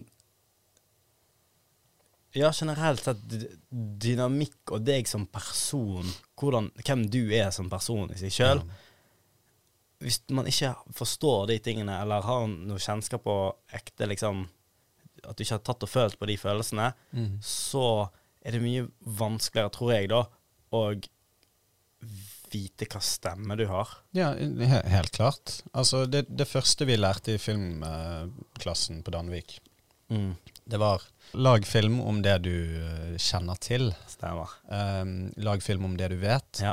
Og jeg husker vi som veldig ung, litt sånn godtroende og naiv, Mm. var litt sånn imot det, da. Ja, ja, vi skulle lage Batman. Ja, Ja, vi- The Dark Knight skulle vi ikke, det. ikke sant. liksom. De tingene der. Men Vi skjønte aldri hvorfor han sa 'lag film om ting dere forstår'. Nei, men, men i ettertid så gir det all mening. All Fordi, mening. fordi eh, etter hvert som du går gjennom livet det, det er litt derfor det er veldig fint å eh, begå feil. Mm. Og ikke minst det å kaste seg ut i ting som er så langt utenfor komfortsonen din Mm. at, at den ikke har noe annet valg enn å bare vokse Mm. etter hvert som du går gjennom Mm. disse tingene. Um, og etter hvert som du på en måte utvider ditt perspektiv på livet og det du vet noe om, eh, jo mer kan du snakke om. 100%. Jo mer kan du fortelle om. mm. Og eh, jo sterkere stemme og mer unik stemme vil du ende opp med å ha, da. Yes. Jeg er helt enig. Følte du at du fant din stemme på Danvik? Jeg fant ut at det var en stemme å finne, Mm. Egentlig.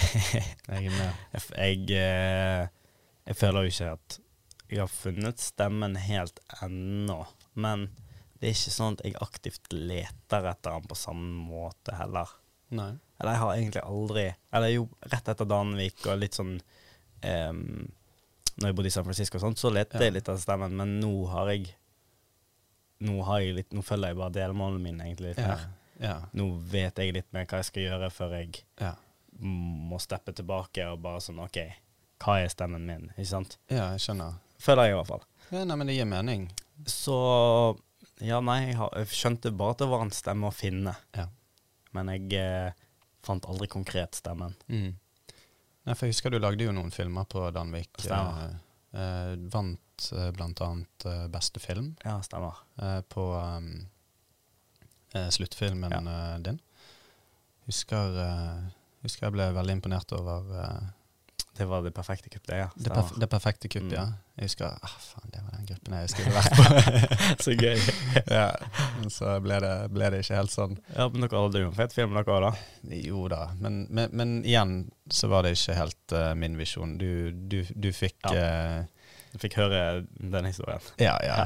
Du, du, du fikk fortalt din historie med den stemmen du hadde der, da. Ja. Um, og man kan jo se tilbake på det i dag og tenke at det minner mer om en sjangerøvelse enn en Mm. uh, faktisk uh, film, på en Mm. måte. Man ser jo veldig tydelige inspirasjonskilder i det. Mm. Og, um, men, det men det er litt sånn det er, og det, og det, og det er det som er det er det som er fint med å gå på filmskole. Um, da har man muligheten til å uttrykke seg i trygge omgivelser uten å måtte bekymre seg over at det man lager nå, er, skal være det beste som Mm. fins. Ikke sant? 100 Og ja. Jeg er enig. Mm. Men um, skulle absolutt ikke vært foruten det året. Men uh, etter Rett etter vi var ferdig, da, uteksaminert på uh, Danvik, så flyttet, uh, flyttet du til Oslo? Mm, nei. Eller var det rett til San Francisco? Jeg flyttet rett til San Francisco. Ja. Hjem til Bergen, Rett til San og Francisco. så over dammen. Ja, stemmer. Ja. jeg Til var- San Francisco. Ja, ja. Ja. Jeg var hjemme i sommerferien. ja. For, Så da, reiste jeg til eh, for da hadde du fått et tilbud av Silje, Ja. som var hun vi møtte, eller som hun vi lagde reklamefilmer til. Mm. Så jeg hadde jo snakket med de litt i etterkant. Jeg vet ikke hvorfor, Mm. men jeg hadde i hvert fall snakket med de litt i etterkant. Eh, og blitt ganske semigod venn med hun Silje, på en eller annen måte. Jeg skjønner. Vet ikke hvorfor. Nei, hun er jo en utrolig hyggelig dame. Ja, så- Kjempehyggelig dame. Men så vi holdt nå i hvert fall tråden, og så snakket han eh, COO-en, eller hva det heter, Mm, hva eh? Olav. Olav, ja. Eh, han snakket litt med han òg. Og så spurte han om et møte med meg, fordi at de, de trengte en film eller noe. ja. Dette var under Danvik. Så tar jeg møte med han, em, setter meg ned og preiker om med hva de ønsker, at de trengte reklamefilmer, bla, bla, bla. Og så nevnte han at Jada Pinkett Smith, konen til Will Smith, har nettopp investert i det selskapet. ja. Så hele selskapet flytter fra Bergen til San Francisco. Så jeg bare Ja, du må bare si fra hvis du vil ha meg og ha. Så begynte vi begge to å le, og så stakk jeg egentlig. ja.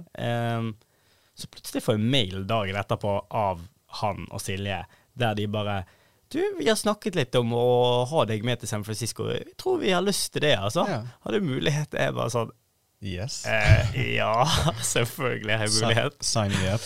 Ja, ja, sign me up, uansett hva det må- betyr, liksom. Ja, for, for, for på dette punktet i livet så var fortsatt den store drømmen om å flytte til California og eh, jobbe med film og Da skal jeg til Hollywood. Ja, ja, ja. Da skal alle til Hollywood. Alle skulle til Hollywood. Ja.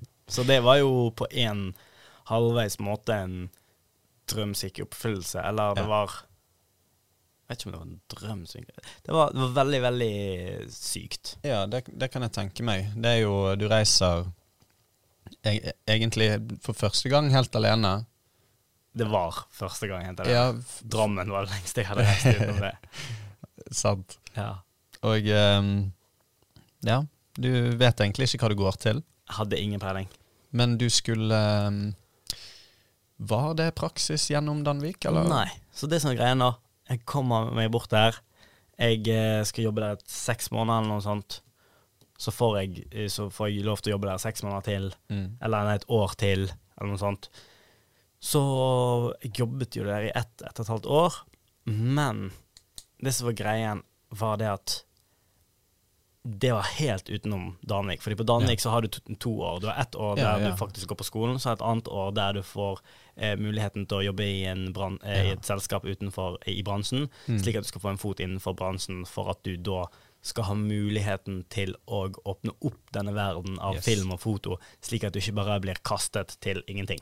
De åpner opp døren på gløtt, og så er det opp til deg om du vil gå gjennom eller ikke. Nettopp. Så eh, den muligheten syns jeg var kjipt at jeg ikke fikk.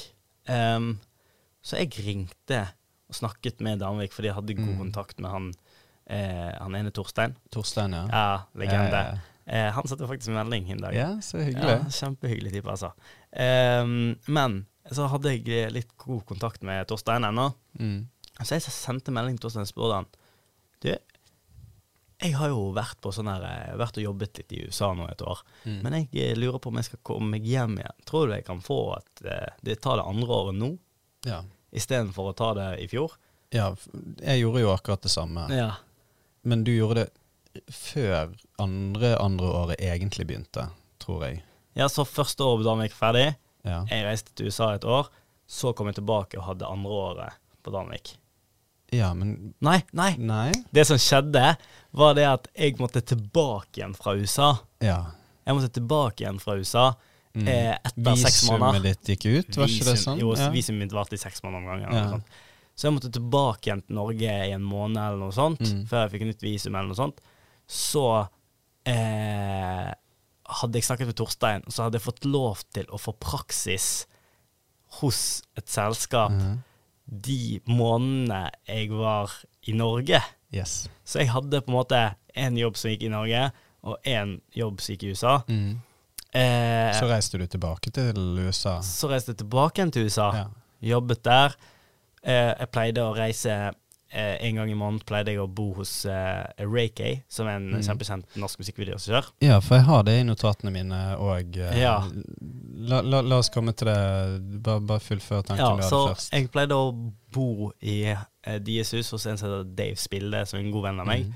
Eh, fantastisk type som har hjulpet meg gjennom Ja. mange ting. Jeg husker det med Bug eh, i Bergen og masse reklameprosjekter og Han eide jo et selskap som het eh, Bug eh, og Unique Cinema Systems, som hadde levert lyd og Ja. lys, ut- alt du ser og hører på, lyd, nei, på kinoer i sånn 17 Mm. land eller noe sånt. Ja. Så han, eh, han visste jo hva han holdt på med. Eh, så jeg bodde jo hos han og Reinhardt, eller Reiki, eh, en gang i måneden, Mm. fordi eh, jeg var interessert i film, og jeg ville lære av de og musikkvideoer og hele den pakken der. Så jeg reiste fra San Francisco og bodde der en helg en gang i måneden. Mm. Em, så Etter den perioden der, så stakk jo jeg til eh, Nei, så fant jeg ut Så snakket jeg med Dave ja. der oppe i LA en dag. Det, det, dette var etter du hadde vært tilbake i Norge, hatt praksis i noen måneder, og så dratt tilbake? Og så dratt tilbake igjen. Ja, for, for, eh, ba, bare sånn Hvilket produksjonsselskap var det du endte opp hos når du var i Norge? Hummelfilm. Ja, samme som meg. Ja, stemmer, stemmer. Det, det var vel forarbeid på ok- okkupert, var ikke det? Jo. Ja. Ja, på Veldig- på okkupert. Stemmer. Veldig bra eh, selskap å havne hos. Veldig bra selskap. Det var Alle ville gå i sånn Storm-film, så alle de store Ja. selskapene. Jeg tenkte hvis jeg skal jobbe hos et Storm-film, så kommer jeg til å hente kaffe. Og det lærer jeg noe av hvis jeg har tenkt å bruke ti år på Storm. Ja. Men det lærer ikke jeg noe av hvis jeg har lyst til å være en ressurs. Jeg har Mm. ikke bare lyst til å være en person som er til stede. Helt klart. Jeg har lyst til å være en ressurs. Og Ja, derfor tok jeg det minste selskapet. Ja, for Hummelfilm er to personer, gudene alle nåde. Nettopp. sant? Så du Um, fikk jo være mye mer hands on på ting. Helt klart. Jeg Um, har akkurat samme opplevelse sjøl. ikke sant? Mm. Og det er jo Ja, det er jo fantastisk at man har fått den muligheten. Mm. Eh, men etter jeg var i USA, så husker jeg det var ett øyeblikk der Mm. der Ray og Dave og alle deres venner og masse andre kjente folk eh, Jeg tror Tommy Wirkola var der òg. Mm. Alle de skulle Norske LA Hollywood-gjengen. Ja. Alle de skulle på eh, ut og spise middag. Ja. Men jeg kunne ikke bli med, fordi at jeg var jo 19 år. Og det var 21-årsgrense på å drikke. Ja. Så jeg fikk lov til å bli igjen i huset. Eller jeg bodde jo der, så jeg, de stakk. Jeg ble igjen i huset. Så jeg tar på meg badeshortsen, går ut i Infinity-polet der med utsikt over hele LA. Ja, for, for, for det er ganske ekstravagant uh, hus. Uh, veldig uh, ja. det var Det, det er sånn du ser på GTA, liksom. Det, For det, meg så var det der dritfett, i hvert fall. Ja, ja. Og det, husker du hvor det lå? Det er Hollywood Hills. Hollywood Hills, ja. Ja. Vi kan jo kanskje få opp et lite bilde der.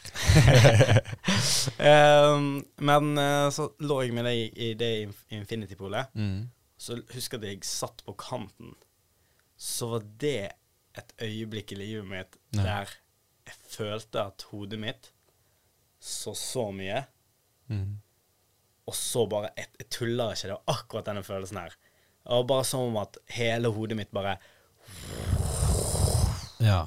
Og for uh, våre lyttere som ikke ser på uh, nå Ja. uh, Mohammed gestikulerte med å holde to hender ganske nærmt hverandre. Dette perspektivet han hadde. Og utvidet det seg. Og du Slik at kjente du så- at det utvidet seg i den hastigheten lyden var i. også. Jeg forstår. Så det var et, et øyeblikk der du Innså bare Nei, jeg satt og så utover hele LA og downtown LA og hele Ja. skyline der. Og det var da jeg innså at eh, Sånn på ekte. Mm. Jeg kan faktisk gjøre hva jeg vil. Ja. Sånn, En, en, Dette- helt frem til da mm. så har jeg tenkt Selvfølgelig, eh, eller, selvfølgelig kan jeg gjøre ting og tang, liksom. Fjerndrøm. Ja. Ja, Mm. men det, da skjønte Altså, da gikk det opp for meg, bare. Hæ? Dette her går jo faktisk an. Mm. Livet er for dine føtter. Det er opp til deg å bruke den tiden du har til disposisjon for å skape det livet du har lyst til å leve. Alt er mulig. Mm.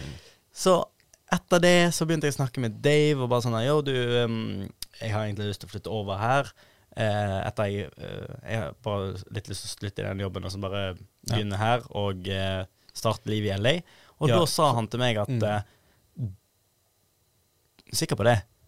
Mm. Hva er det du vil? Jeg bare sånn, jeg skal bli verdens beste musikkvideoregissør innen seks år. Ja. Så han bare sånn her Ja, OK, nice. Men da vil jeg anbefale deg å stikke tilbake til Norge. Mm. Jeg bare sånn Hæ? Kan man, altså, hæ? Jeg, jeg har jo muligheten til å være i LA nå. Sier han sånn Ja, ja. Altså, jeg kan hjelpe deg med å skaffe jobber og alle sånne ting. Så, det der. så du skal ikke Du skal slippe å få være her i LA uten at du har noe å gjøre. Men hvis du er her i LA, Mm. så må du begynne som produksjonsassistent. Ja. Når du begynner som produksjonsassistent, så er ikke det sånn at du jobber deg opp til å bli regissør. Nei. Du blir bare verdens beste produksjonsassistent. Yep. Fordi det er så sinnssykt mange der borte som har lyst til å gjøre alt. Det er folk som jobber for Ja, ja, ja. å bare bli produksjonsassistent her. Yep. Så eh, det jeg lærte og skjønte av han, var at jeg måtte til Norge Mm. for å etablere meg sjøl som regissør. Ja. For så så å mm. kunne ta den porteføljen Med med, til USA. Ja. Og da kunne jeg selge meg sjøl inn som regissør istedenfor at jeg skal selge meg sjøl inn som eh, produksjonsassistent. Helt klart. Og det gjorde at jeg tok valget om å slutte jobben min i San Francisco. Reise tilbake til Oslo. Ja, der, Jeg hadde jo fin lønning og levde fantastisk liv i San Francisco, men det var ikke der lidenskapen lå. Så jeg sluttet, eh, og egentlig reiste til eh, Norge, da. Ja, ja. Med et mål om at det skal bli verdens beste musikkvideoregissør innen seks år, ja. egentlig. Og, det, og det minner meg om to ting. Mm. Um, det er en artikkel av deg i BA Mm. ja, stemmer. der, eh, der, der du um, Der du ytrer disse målene, Mm. offentliggjør de, Mm. at du skal bli Var det Norges beste eller verdens beste? Verdens beste. Verdens beste musikkvideoregissør innen Mm. fem år. Ja. Mm. Seks. Men ja. Ja, det, det, det, var fem år der. tror. Var det? Nei, det var seks. Er du helt sikker? 100% Ok, oddly specific. Men I know. Det- Fordi at det, det, var, det er på en måte et av de viktigste målene jeg hadde, og ja, på en måte har ennå. ja ab absolutt. Mm. Og, og jeg er helt eh, bom... Altså, om noen kan klare det, så er jeg helt bombesikker på at det er deg. Hadde greid det til den dag i dag hvis jeg hadde bare fortsatt. Fortsatt på den stien. Men, nettopp, Ja. men jeg tok et bevisst valg om å ikke gjøre det. Men du tok òg et bevisst valg om å ytre dette og sette det ut i verden. Um, hvorfor det? Uh, ved å sette det ut i verden, så gjør jeg det til en realitet. Mm. Det er ikke Det er ikke bare ting som jeg tenker på som jeg kan forandre sånn som det her hele tiden. Nei. Det at andre folk er bevisst på det, Mm. gjør én at du skjønner at de teite oppgjørene du har med deg sjøl, sånn sånn der, Mm. Å ja, men skal du gjøre det, skal du ikke gjøre det? Ja. De slutter du litt sånn med. Er du med? Fordi de, det er bare negative tanker som du egentlig ikke Ja. trenger å tenke over. Ja. Men det viktigste av alt, når du sier at, til offentligheten at du har At du skal gjøre dette her innen seks år, Ja. og går aktivt ut og snakker med folk om det, Ja. og når du har en samtale med mennesker, og den naturlige delen av 'hva gjør du på?' Ja. kommer, og du forklarer hva du gjør på, og hva du vil gjøre, Mm. så er det som at alt rundt deg bare gir deg det. Mm. Fordi at folk skjønner hvorfor du er der. Ja. Ikke sant? Så når folk neste gang snakker med en artist som trenger en musikkvideo, så kobler de med en gang tankene til det han duden som bare What the fuck, han skal ha Ja, ja, seks år, han skal bli verdens beste musikkvideoregissør på seks år. Han kommer aldri til å greie det. Men han er nå en musikkvideoregissør. Ja, Så får du bare mm. masse oppdrag, ikke sant? OK, OK. Så Ja, det gir all mening i verden, det. Altså. til jeg kom i Norge, Mm. eh, til Norge eh, etter San Francisco og gjorde den første musikkvideoen eh, med et eh, boyband som heter The Main Level, Ja. så har ikke det stoppet siden. Fordi at mus musikkvideo-wise Mm. så har jeg vært konkret med dette er målet mitt, dette er det alle f- vet, dette Mm. her Uansett hvordan du snur og vender på det, hvis noen spør hvem er Mohammed, Ja. så er det han musikkvideoen som kjører. ja. Som gjør at det er veldig lett for folk å koble, seg, koble meg opp til andre mennesker, Mm. uten at jeg egentlig trengte å gjøre så mye. Faktisk. Og så ble arbeidet heldigvis bedre og bedre og bedre, og bedre Ja. som gjorde at andre folk begynte aktivt å ta kontakt med meg fordi at de trengte de produktene sjøl, som blant annet Ja. Gunnar Greve, David Eriksen og ja. disse folkene her. Som jo ve var veldig weird på det øyeblikket, men, Ja, for plutselig er du viklet inn i denne verden, på Ja. en måte. men for meg så var det alltid bare å lage den beste musikkvideoen. Helt klart. For meg, Helt klart. på en måte. Så skjønte jeg at jeg måtte hjelpe artisten for at musikkvideoen endelig skulle bli be enda bedre. Så Ja. videre, videre, videre, videre. Ja. Og, og det er jo på mange måter um, Altså, det som skjedde når du uh, dro hjem fra San Francisco, fikk et møte med filmbransjen gjennom Hummelfilm, Mm. uh, dro tilbake til California, Mm. dro til LA, var med de store norske gutta, Ray Mm. K, Wirkola, hele gjengen. Mm. Jeg ble aldri så godt kjent med Wirkola da. Men ja. Mm, Nei, men uansett uh, Ja. Ja. Du, du, du fikk i hvert fall møte Ray K, Mm. som, som er Som jeg vil jo tørre påstå at han er den mest vellykkede musikkvideoregissøren i- fra Norge. Ja, en av dem i hvert fall. En av Alex i òg, som er fantastisk dyktig. Han er laget for Keisha og okay, ikke sant? eh, eh, Sam Smith og ja, ja. Det, det er jo Ja. åpenbart eh, mange, mange dyktige folk til lands, men, Ja. eh, men Ray K har på en måte vært et stort navn veldig lenge, da. Um, Han var en av de hotteste navnene i hele verden, han. ja, ja, absolutt. Han lagde jo Baby, Justin Bieber, Ja, ja. liksom. En av verdens mest sette musikkvideoer ever. Det er det.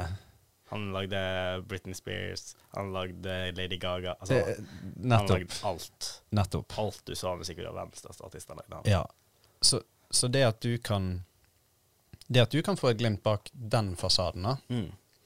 og faktisk uh, sosialisere deg med en sånn person på et, Mm. på, på et veldig sånn Ja, ned på Menneskelig, ja. menneskelig, veldig sånn down to earth-situasjon. at, at dere kan bare ha en vanlig samtale og bli kjent som to personer. Mm. Jeg tror det Jeg tror det ga deg mer enn du kanskje tenker i dag.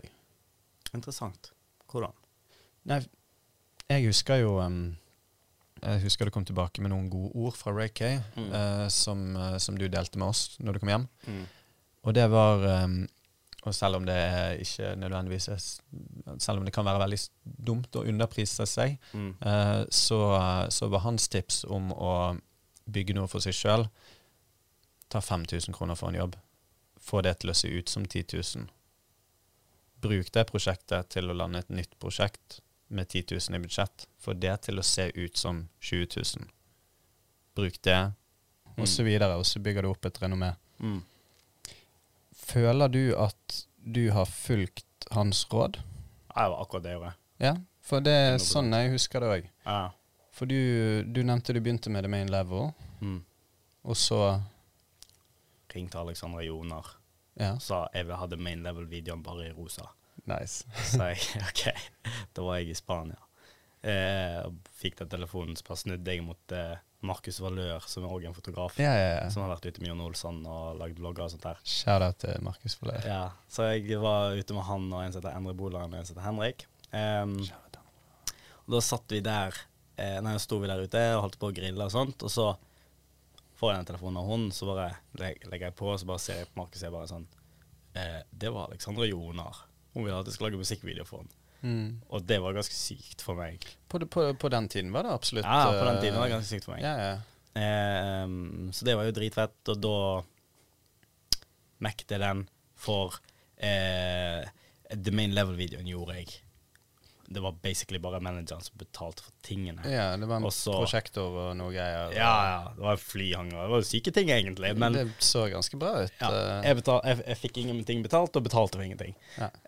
Um, men fikk en fantastisk fair- fair video. Så jeg kunne, ja, fantastisk video så jeg har åpnet alle dørene til alt jeg har gjort i den dag i dag òg, liksom. Men um, Det var første stein på grunnmuren. Det var første stein. eh, I, i musikkvideoveien verden, ja, din, da. Ja. Og så um, gjorde jeg den musikkvideoen for Alexandre Jonar. Eller halvparten av musikkvideoen for Alexandre Mm. Jonar, for det var to regissører. Uh, så jeg gjorde performance-videodelen, som ble dritfin. Uh, en av de fineste tingene, faktisk, syns jeg, Mm. av de tingene jeg har gjort. Uh, visuelt. Mm. Em, så ballet det på seg med flere oppdrag osv., osv., osv. Så endte det opp med at David Eriksen eller Gunnar Greve ringer meg og bare sånn Yo, Ja. vi at du skal lage musikkvideo? Og det var Paperboys. Nei. Nei? Paperboys måtte jeg jobbe meg opp til. Ja, men hvem var dette for? Paperboys var litt papin. eh, en gang til. Paperboys var litt uh, Altså, de var uh, litt uh, Above your pay grade. Ja, det var way above my pay grade. Det var sånn Hvis de får gjort Paperboys, så er jeg på stell, liksom. Ja, ja, ja. Em, ja, så ville de at jeg skulle lage musikkvideoer for eh, noen av artistene deres. Begynte det med én artist, ballet seg på seg på to artister, og så lagde de plutselig for flere. Uh, noen av de artistene var Jesper Jenseth, Mm. Paperboys, Mm. uh, Sandra Lyng Haugen med den Play My Drum, som vi Ja. spilte inn i Maldivene. Ja, da dro dere faktisk til Maldivene. Ja, ja. Vi dro et crew på sånn ti stykker til Maldivene. Gud, det er jo Ja, det var helt sinnssykt. Det var på en bitte liten øy som var sånn 125 kvadratmeter. Ja, ja, ja. Nei, ok, nå, nå, kanskje 800 til 1000 kvadratmeter i omkrets midt uti. Ingenmannsland.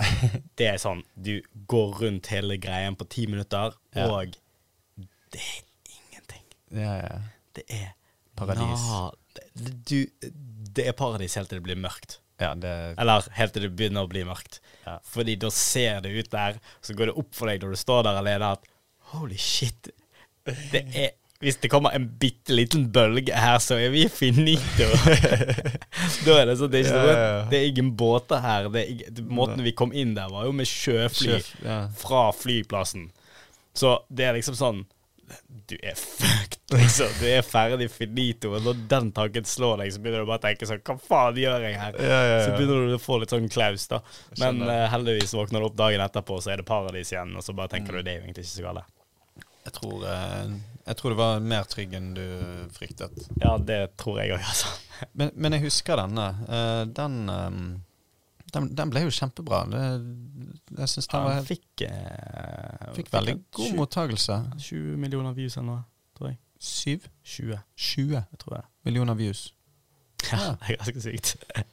Ja, for stemmer det. det. Det er vel den første produksjonen du lagde som virkelig på en måte 10-20, et eller annet sånt. Ja, det var, det var vel den første produksjonen du lagde som på en måte var oppe i de Ja. tallene der. ja. Det, det var en hit i Norge, liksom. Ja, ja. Eller ikke bare i Norge, men Norge, rundt rundt ja. ja. Den eh, gjorde det ganske bra. Mm. Så det Det var det som på en måte gjorde at jeg òg fikk gå opp i enda høyere budsjetter igjen. Ja. Ikke sant? ja. Fordi den ble skutt på en måte som gjorde at eh, Pro produktet snakker for seg sjøl. produktet snakker for seg Ja. selv sjøl. Og jeg var veldig, veldig, veldig, veldig, veldig, veldig heldig som hadde i hvert fall en produsent og til dels òg en fotograf Mm. som jeg jobbet sinnssykt godt med. Han, Ja. Produsenten Øyvind Eriksen, Øyvind Eriksen. som òg gikk på Danvik med oss. Yes. Han God, var jo eh, god kompis. Fy flate. Veldig flink. Ingenting jeg hadde gjort i, uh, innenfor musikkvideoer, hadde funket uten han. Jeg husker dere som en dynamisk duo Ja, på den faen. tiden. Det var uh... Vi kranglet så mye, og vi hadde det så bra så mye, men den eh, Han dro den ene veien, jeg dro den andre veien. Ja. Jeg dro etter min visjon, han dro etter budsjettene. Yeah. Så vi traff alltid jo- i midten hele tiden. Det var perfekt, liksom. Det er jo sånn en regissør og en produsent skal jobbe. Det jo Ja, det skjønte jo ikke vi. Vi levde jo bare livet, vi. Ja, ja. Er du med? ja absolutt. Så um, eh, jeg var veldig, veldig heldig at meg og Øyvind hadde funnet hverandre. Mm. Og at Øyvind eh, Svanes Lunde, som er fotografen, han òg heter Øyvind, Mm. eh, at han òg var til stede i det universet vårt. Ja. Og han var sinnssykt lett å jobbe med, fordi han greide å skape kule bilder av nesten ingenting. Absolutt. Så det var bare Vi hadde det bare så sinnssykt gøy der borte. Ja, ja, var, ja. ja, fy søren så koselig det var på den bitte lille øyen der, altså. Og både Øyvind og Øyvind Altså Øyvind Eriksen, eh, som gikk på Danvik med, han er jo nettopp uteksaminert fra eh, filmskole i Lillehammer. Ja, Grat gratulerer med, gratulerer. med det. Øyvind. Og eh, Øyvind Svanes Lunde er jo også, Han har jo òg studert eh, Foto på ja, foto på filmskolen. Mm. Så eh, etter å gjøre ferdig musikkvideoløpet vårt, Ja. eh, så valgte Øyvind Eller grunnen til at vi òg splittet opp, var Ja. fordi Øyvind valgte å filmskolen. ja. Eh, og eh, S- Lunde hadde dratt på filmskolen. Ja. Eh, så jeg var jo Alene. alene i denne verden. Ja. Uh, men, Men- så var det et selskap som heter Go Electra som tok meg inn som reklameregissør. Og Ja. signet meg som reklameregissør hos de når jeg var sånn 21 Bare eller 20. hold, hold, hold litt der. Det skjedde etter Paperboys. Mm. Ja. Eller jeg jobbet med Go Electra på Play My Drum. Jeg jobbet med Elect Degraded. ja, stemmer det. mange av musikkvideoene. Så de hadde sett mange av produktene jeg hadde laget tidligere. Og det Ja. siste prosjektet var Paperboys, som de var en stor eh, Go Electra hjalp veldig mye med. Ja. Eh, så de hadde jo sett mye av de tingene jeg gjorde. Mm. Og derfor endte det opp med at de ville ha et møte med meg, og så signet meg da deretter som reklameregissør. Det er jo ofte sånn det skjer. Ja, jeg- At enten lite visste jeg at det var sånn det skjedde da, liksom. Jo, men altså, ne- nettverket er alt, Ja, egentlig. Og, og det. Jo da, altså ikke alt, alt, men nettverket er viktig, da. Mm. Og det, um, og det er ikke alltid like lett å på en måte ha den mentaliteten til det. Det kommer veldig an på hvem du er som person. Hvis du er litt mer eh, introvert, Mm. så har du gjerne litt mer vanskeligheter for å finne din vei i bransjen. Da, på en måte. Sant. Men, men du ser jo det ut ifra alt du har snakket om i dag, og um, hele reisen din som vi har vært gjennom Mm. nesten, frem til et visst punkt i hvert fall, Mm. at den ene tingen har alltid ledet til den andre. Ja. Og det er sommerfugleffekten, da. Sommerfugl Mm. flakser sine vinger. Mm. Og selv om du ikke er bevisst på hvor det leder deg Mm. mens du er på reisen Når du har gått et lite stykke, så kan du stoppe opp og se tilbake Mm. og anerkjenne at wow, Mm. hadde jeg ikke gjort det, Mm. hadde jeg ikke eh, Hadde jeg ikke eh, hatt den spontane talen i Grieghallen ja. Så det ikke er vært der denne hadde, hadde ikke jeg flyttet til Drammen og begynt på Danvik, hadde ikke jeg gjort uh, tatt, takket ja til San Francisco, mm. og igjen da møtt gjengen i LA, Mm. så hadde du ikke lagd musikkvideo for The Main Level, Mm. som igjen hadde ført til at du ikke hadde gjort Paperboys, Mm. Go Electra, alle disse tingene her. Sykt. Ja. Veldig, veldig. Men før vi går helt forbi ehm, uh, musikkvideoperioden ehm, Du gjorde jo uh, en musikkvideo for comebacket til eh, Paperboys. Ja, stemmer. Ja. Jeg har bare litt lyst til å snakke litt om den, fordi Mm. For der, der tok du det til et nivå du ikke hadde vært på før. Mm. Eh, både med tanke på visuelle effekter, men òg Mm. produksjonsdesign og Det var masse undervannsbilder i slow Mm. motion med lys i basseng og masse sånn Sin City 3D eller Mm. Altså Kan du fortelle litt om den prosessen, og hva som fikk deg til å Jeg følte at jeg hadde masse å tyne ut av meg sjøl. Ja. Jeg følte jeg hadde lagd mange musikkvideoer på mange av prinsippene til andre. ja. Så følte jeg at Hæ, får jeg muligheten til å gjøre for kunder bare si til meg sånn Ja, nå er Paperboys next. Jeg bare sånn derre Hæ, sa du? Hva sa Paperboys? For meg så var det dritfett å kunne få lage for Paperboys. Jeg følte at jeg lagde for Carpe Diem, liksom. Ja, ja. Eh, Paperboys. Carpe Diem, det er jo Ja. Ja, så jeg eh, eh, Carpe Diem er noe helt og mye sykere og større enn da, men ja. Jo da, Eh, men ja, vi Paperboys er jo original Ja, ja. Altså, det, de er svære, liksom. Ja. Ehm, så for meg så var det dritstort. Um, så jeg tenkte nå skal jeg kjøre på, nå skal jeg gå all in, liksom. Mm. Uh, så jeg tryner ut alt jeg har kreative ting i hodet mitt, Ja. og lager et konsept for to låter i en musikkvideo. Mm. Eh, og jeg ville at hele det konseptet skulle handle om at eh, Good and the bad. Til mer good du får, til mer bad blir det. Til mer bad du får, til mer good er det. Mm. Alt er alt hele tiden, liksom. Helt klart. Ehm, så mm, jeg endte opp med å lage en sånn Sin City-vibe. Nesten alt sammen på green screen. Eh, der vi lagde en sånn Nesten det, det, det var ikke så viktig at bild, de tingene som skjedde på bildet, faktisk skjedde på ekte. Nei. Det var mer viktig å illustrere Ja. hva som skulle skje i bildet. Ja. Så for eksempel eh, Husker vi hadde et shot av eh, hun der ho hovedkarakteren vår som Mhm. dame, og eh, andre hovedkarakteren vår som var mann, Ja. som satte seg på en motorsykkel. Mm. Så gasser han av eh, mannen, Mm. og så får du et shot av dekket. Så bare spinner. Så dekket som bare spinner. Ja. Og så er det ingen bakke eller ingenting som skjer på en måte rundt, utenom at vi har tegnet sånne streker, på en måte, Ja, ja. som illustrerer fart. ja Ikke sant? Mm. Så bildene, mange av bildene bare illustrerte én og én ting hver for seg, samtidig som det ble kryssklippet mot the real world, der hun var til stede. Dette her er i post selve Sin City Den. Mm. og hun tenker på tilbake på hele denne Sin City-delen og alle disse Mm. forskjellige øyeblikkene hun hadde med denne personen. Skjønner. Eh, som da leder opp til at de krasjer, og han dauer, og Ja, ja, eh, og hun er eneste som overlever. Og når hun, ja. eh, men når de krasjer og dauer, nei, og holder på å dø og sånt, så Mm. faller begge to ned I- i, i et under, i, under vann. Ja. der de faller inn ned i rommet hennes. Så vi hadde dresset et helt rom, eller helt Ja, ja. undervannsbasseng, som et rom. mm. Eh, Det var møbler, det var uh, Bare det i seg sjøl er jo en reise. Altså ikke sånn i filmen, men praktisk sett. Bare det i seg sjøl er en reise. Og ikke, ikke bare i film Nei, ikke i filmen, men sånn praktisk sett, logistisk sett. Ja, ja, det, det kan jeg tenke meg. Å få et møbel under vann, det er mye mer komplisert enn du sikkert tenker deg. Men da jobbet du med produksjonsdesigner på det, var Liss Grunvald, var ikke det? Stemmer. Ja. Liss Grunvald, fantastisk Eh, dame. hun er superflink. Jeg Ja. har jobbet med henne på ABBA Bergen. Er Ja, hun er fantastisk fantastisk dame. Ja. Da, hus, husker jeg hun snakket mye om det, faktisk. At uh, Ja. Ja, det, det var jo eh, Det er jo noen eh, utfordringer med å gjøre sånne ting eh, på, ekte, kan man si. Mhm. Um, men jeg hyller at dere gjorde det, da.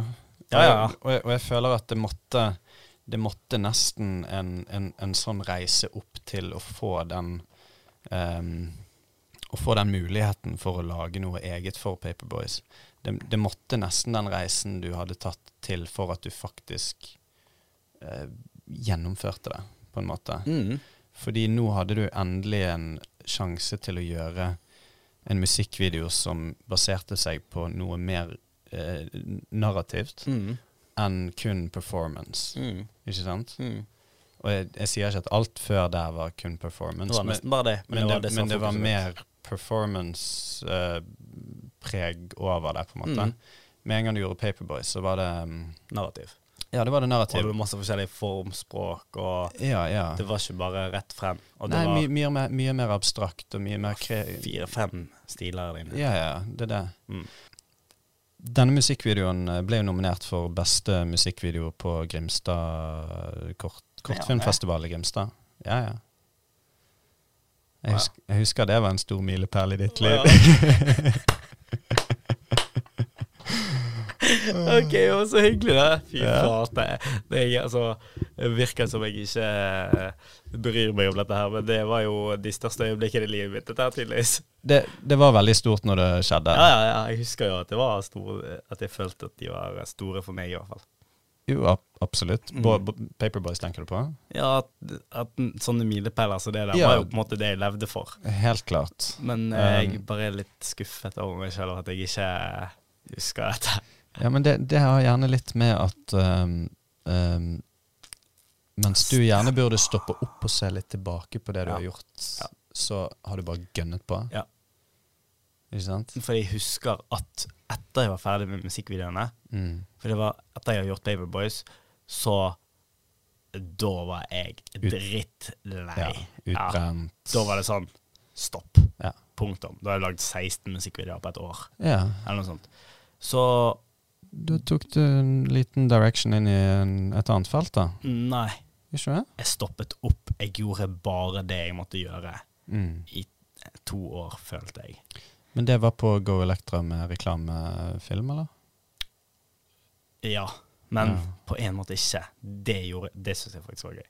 Eh, men jeg følte at jeg stoppet opp på sånn freelance. Altså, jeg jaget ikke på samme måten som jeg gjorde når jeg var musikkvideo. 16 musikkvideoer på et år. Ja. Jeg hadde ikke energi til å tenke på noe nytt prosjekt da, ass. Nei, skjønner. Da var jeg på Jeg vet ikke hva jeg holder på med, jeg må bare stoppe. Nå, Mm. Jeg vet ikke hva jeg holder på med, jeg må bare stoppe. Ja. Du ble Og- utbrent, rett og slett.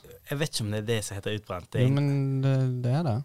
er det det? Ja. OK, da blir jeg utbrent. Du traff veggen, da. Jeg, jeg, Du, traff, had, du hadde fått nok. jeg hadde fått nok.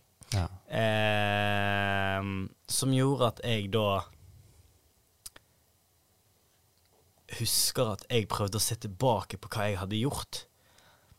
Jeg prøvde å se tilbake på reisen til Maldivene. Jeg prøvde å Mm. se tilbake på det jeg hadde gjort med Paperboys. Prøvde å se tilbake på he Grimstad. Jeg prøvde å se tilbake på alt det. ja.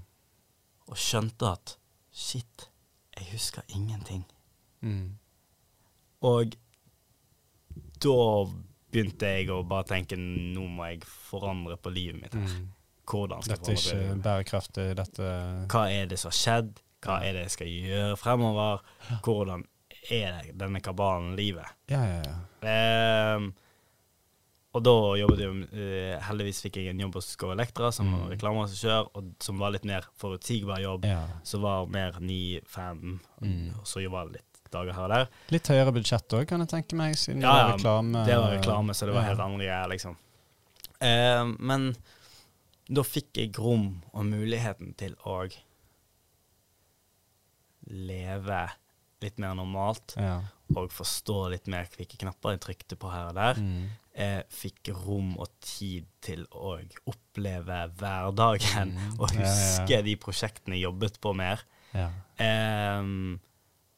Og de, de årene der lærte jeg så sinnssykt mye om meg sjøl. ja, det kan jeg tenke meg. Ja, og eh, jeg husker da jeg jobbet Reiste jo masse fortsatt, liksom, og gjorde oppdrag på siden av Go Electra, som, Ja. sånn som for eksempel for douchebags og Ja, ja. alle de folka der. Ehm, så det var jo Altså, alle de der tingene var jo sinnssykt lærer, lærerike. Mm. Bare Reiste til masse syke, spennende steder. Ja, for da møtte du Jon Olsson og Max Flø. Ja, Markus Valør kjente jeg jo mye fra før av. Men ja. Men så hadde Markus eh, anbefalt meg et douchebag, så jeg begynte reiste Mm. ned der, møtte han og Jon, eh, Jon Olsson der nede. Lagde noe greier for de, Mm. så likte jeg det jeg gjorde, eller Jon likte det jeg gjorde. Så da eh, fortsatte jeg å lage reklamefilm for douchebags, egentlig. Ja. Reiste rundt meg og lagde masse forskjellige greier. Eh, som var sinnssykt fett prosjekt. Mm. Um, og så ringer managementet til Ellen Walker Mm. og bare Hei, du.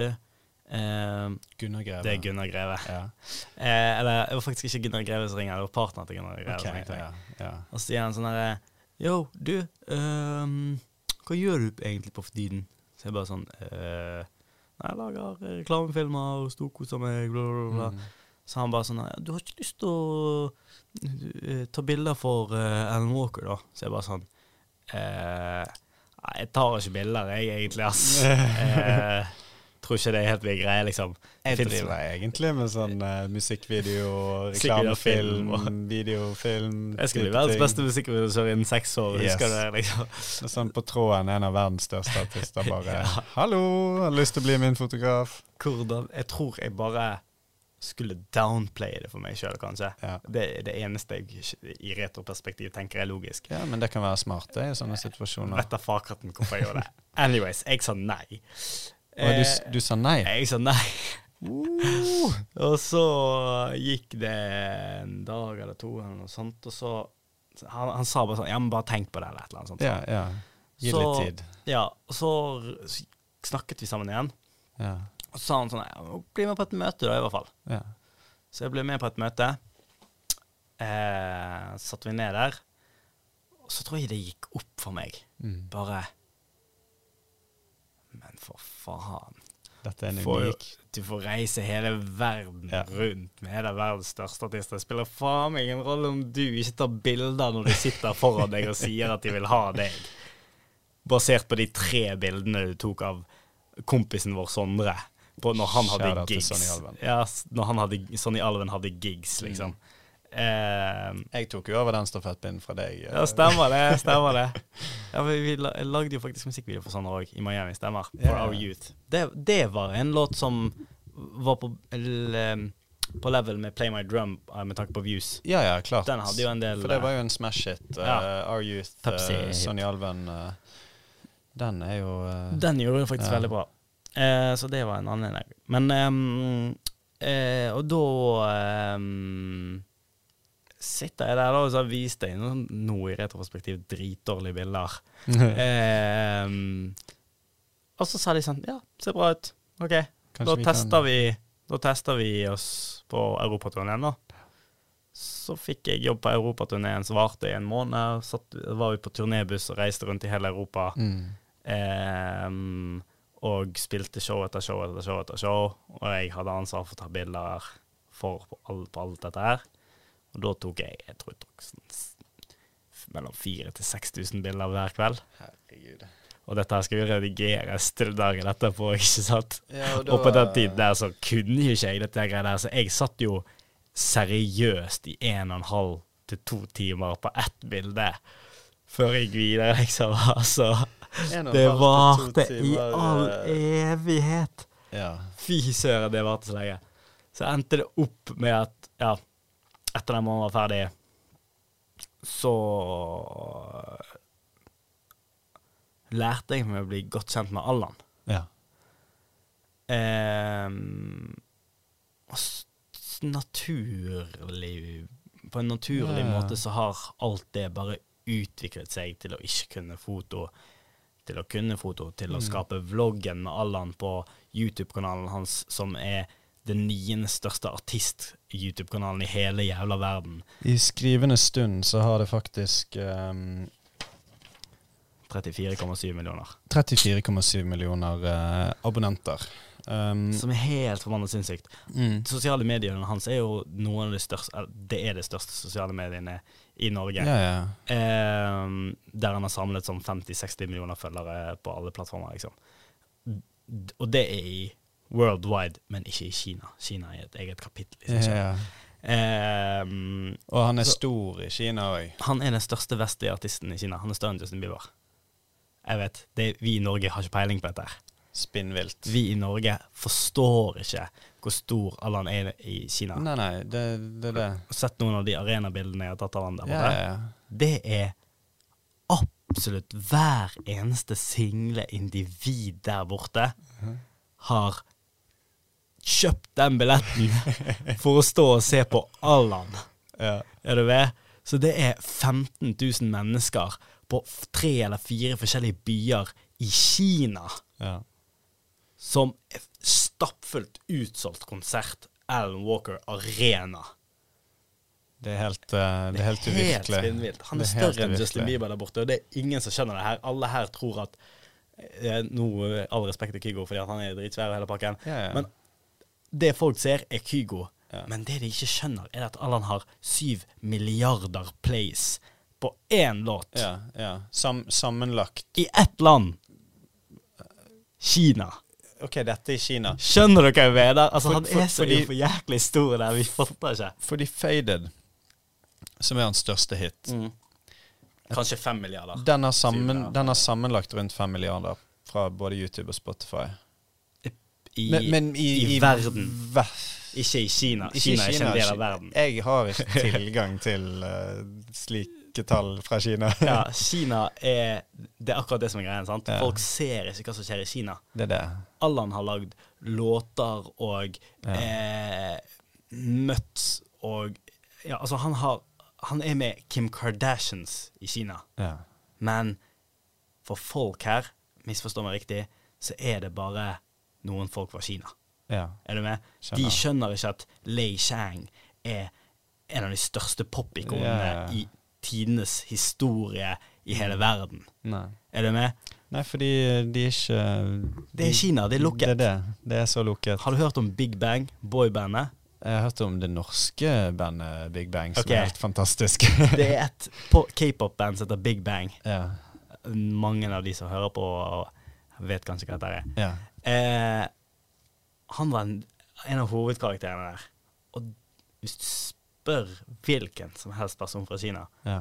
vet du hva eh, eh, Big Bang er? Mm. Så de ja, Selvfølgelig. selvfølgelig. Ja, ja. Alle vet du hvem One. Direction er? Ja, sant. Det var sånn eh, Ja. Nettopp. Og poenget mitt er det at i Kina er det 1,4 milliarder mennesker. One Direction har egentlig ikke en reach på 1,4 milliarder mennesker. Nei. De har reach på en milliard. Ja. Det er USA, Canada, Sør-Amerika, Russland, Europa, eh, toppen Yes. av Afrika. ja. Eh, Du har vel gjerne typ Sørøst-Asia, ja, ja. India rundt omkring. ja, nå har du India. Faen, der ryker jo plutselig populasjonen opp i eh, to milliarder. Det er det. det er sykt. Ja, uansett. Men, men i hvert fall, Allan er så mye mer massivt stor enn det vi i det hele tatt kan forestille oss Nettopp. her i lille Norge. Ja. Fordi vi ikke har tilgang til, få, til den informasjonen, på en måte. Det er det. Men òg fordi ting Det er så fjernt Ja, for oss. Mm. at en fra lille, no lille Norge, lille Bergen, Ja. skal kunne bli Ja, så stor ute i den store, vide verden. ja, ja, ja. Men det er jo litt den tiden vi er i. Absolutt. Men, men la oss la oss hoppe tilbake til, eh, til der vi spor, sporet av. Eh, veldig, veldig fin avsporing, eh, forresten. Um, men du fikk en telefon. Mm. Du takket nei. Mm. Så takket Og så takket du ja etter du fikk tenkt deg litt om. Mm. Eh, dro på europaturné. Mm. Um, du var jo ingen fotograf da, sånn egentlig, i forhold til hva du er i dag. Mm. Eh, og dette her er da to år siden. Mm. Og de siste to årene, fra du satte deg på turnébussen på europaturneen, Mm. til du landet med flyet for siste gang før covid-19 Mm. og ble strandet uten noen overskuelig verdensturné i Mm. sikte. Hva føler du Altså, du må jo ha utviklet deg i et enormt tempo på de to årene. Ja, fy søren. Nå føler jeg utvikler meg i et enormt tempo ennå. Jeg har bare følt at jeg har blitt mye mer bevisst på utviklingen min. Ja. Jeg føler at eh, Jeg føler at jeg kan være bevisst på at jeg er ukomfortabel i en situasjon, Yes. og at jeg greier å fortsette å være ukomfortabel i den situasjonen for at jeg forstår at hvis jeg er ukomfortabel med denne følelsen her, Mm. så betyr det at jeg lærer. Ja. Og da må jeg ta meg et valg. Mm. Er dette her noe du vil lære, Mm. eller vil du bruke tiden din på å lære på noe annet i forhold til målet ditt, som er å Ja. lage fotostudie på Mars eller lage en film? ikke sant? Ja. eh, og da holder du Da har du mye mer disiplin Mm. til å fortsette, slik at når du kommer opp på andre siden og slutter å være ukomfortabel i den situasjonen lenger, Mm. så betyr det at du har kontroll på det. Ja. Ikke sant? Fordi da blir den situasjonen forutsigbar igjen. Ja, det, det er som det er å stupe ut i ting som eh, gjør deg ukomfortabel. Ja, så nå gjør det mer bevisst. Ja, og, og, og ting, Velger tingene jeg har lyst til å stupe i. ja, og- ja, men for, for å kunne havne i en situasjon der du faktisk aktivt kan ta et bevisst valg på å velge hva du skal være ukomfortabel i, Mm. så må du først gå gjennom eh, massevis av eh, ukomfortable situasjoner der Mm. du føler at du ikke hører hjemme, der du føler at du Yes. ikke er uh, kapabel til å gjennomføre Mm. uh, jobben som du har fått ansvar for å gjøre. Altså det, det er først med, med å gå gjennom mange sånne situasjoner Mm. der hvert eneste fiber av kroppen din bare skriker, Skriker. imot. Bare 'Nei, hva er det du driver med?' Det der What?! Slutt! Løp! Gå og gjem deg! Mm. Altså, sånne situasjoner som har det. du fått deg sjøl inn i, liksom? Ja, hvis du faktisk kommer seirende ut av det. Hvis du, hvis du eh, Altså, den mestringsfølelsen du sitter igjen med, den definerer den personen du ender opp med å bli i fremtiden. Nettopp. Fordi komfortsonen din vokser, og den vokser, og den vokser, og den Vet du vokser. òg hvordan definerer den personen du er inne i? Fortell. Han eh, sier Hvis du gir opp Mm. i den prosessen fordi kroppen skriker, så blir det en vane. Ja. Underbevisst vane. Om at du rømmer. Ja, du kan bare gi opp hver eneste gang. Ja. Så med mindre du pusher gjennom det og faktisk ser andre siden av det, Mm. så greier ikke du å forstå hvilke ting du skal gi opp på, eller hvilke ting du skal ha den vanen med, og hvilke Mm. ting du ikke, bevisst ikke vil ha den vanen med. ja, jeg skjønner. Hvis det gir mening. Ja, det, det gir all mening. Mm. At du, du må først gå gjennom alt det Mm. for å kunne sitte igjen og faktisk selektivt kunne bestemme hva gir dette meg, hva Mm. gir dette ikke meg. For hvis ikke du har gått gjennom noe ukomfortabelt som har gitt deg noe tilbake, Mm. så kan ikke du se at den veien du går, vil til syvende og sist lede til det samme. Og da blir det å gi opp en vane. Ja. Selv om ja, det tok meg tid til å se, se at det var Mm. å gi opp. Fordi for meg så var jo det Ja, men for faen, de betaler ikke meg godt nok. De, eh, alle eh, betingelsene er urimelige. Jeg jobber 24 timer i døgnet. Bla, bla, bla. Men hva er det du egentlig Hvorfor gjør du dette, Mohammed? ja. Hvilken lønn tar du ut? Ja, fordi at det spiller ikke noen rolle, fant jeg ut. Nei. Fordi at For meg så er dette her som å få penger av skolen jeg går på, Ja. til eh, bare Her betaler skolen meg for at jeg skal gå og lære. Ja, sant. Ikke sant? Så egentlig er skolen som burde sitte og klage på meg. Ja, Skjønner du? jeg skjønner hva du mener. Det er min mentalitet Eller det har blitt min mentalitet overfor det. Ja. Og det er derfor jeg har lært meg å sette pris og være takknemlig på disse tingene jeg gjør. Mm. Fordi jeg sitter egentlig bare på en skole og får betalt for å sitte og lære om det jeg syns er gøy. Og det er veldig, veldig fin approach å ha til det. Agree. Men ja, jeg syns vi, eh, vi kom frem til mye fint der. Enig. Og um, hvis det er noe ehm, Ja, nå har vi jo gått helt tilbake, fulgt hele veien opp, tatt igjen nåtiden. Før vi rapper det hele opp, skal vi snakke litt om veien fremover? Kanskje uten å snakke om fotostudio på Mars? Ja, greit. Det kan vi godt gjøre. Fordi nå som Nå som det ikke er noe verdensturné, Mm. Um, bare kort litt inn på det. Dere har tilpasset dere til en ny verden. Er det mer content-basert? er det føler, du, føler dere at dere må kompensere for å ikke være ute på turné? Med å lage mer content? Er det streaming? Er det Hva, hva skjer videre? Vi har jo, altså mer som et selskap generelt sett, har vært veldig fokusert på content hele veien, egentlig. Ja. Um, men det er veldig få selskaper som putter så mye tid og energi Mm. på akkurat det. Og ressurser, ikke minst. Um, så når korona kom, så fikk vi på en måte det lille skubbet man trengte for å OK, nå må vi begynne å tenke på dette her greiene her. ja. Hva er det vi kan gjøre for at dette her faktisk skal enda bedre på sosiale medier? Er det noe ting vi misser? Hva, altså, hvilken Mm. retning skal vi gå, ikke sant? ja.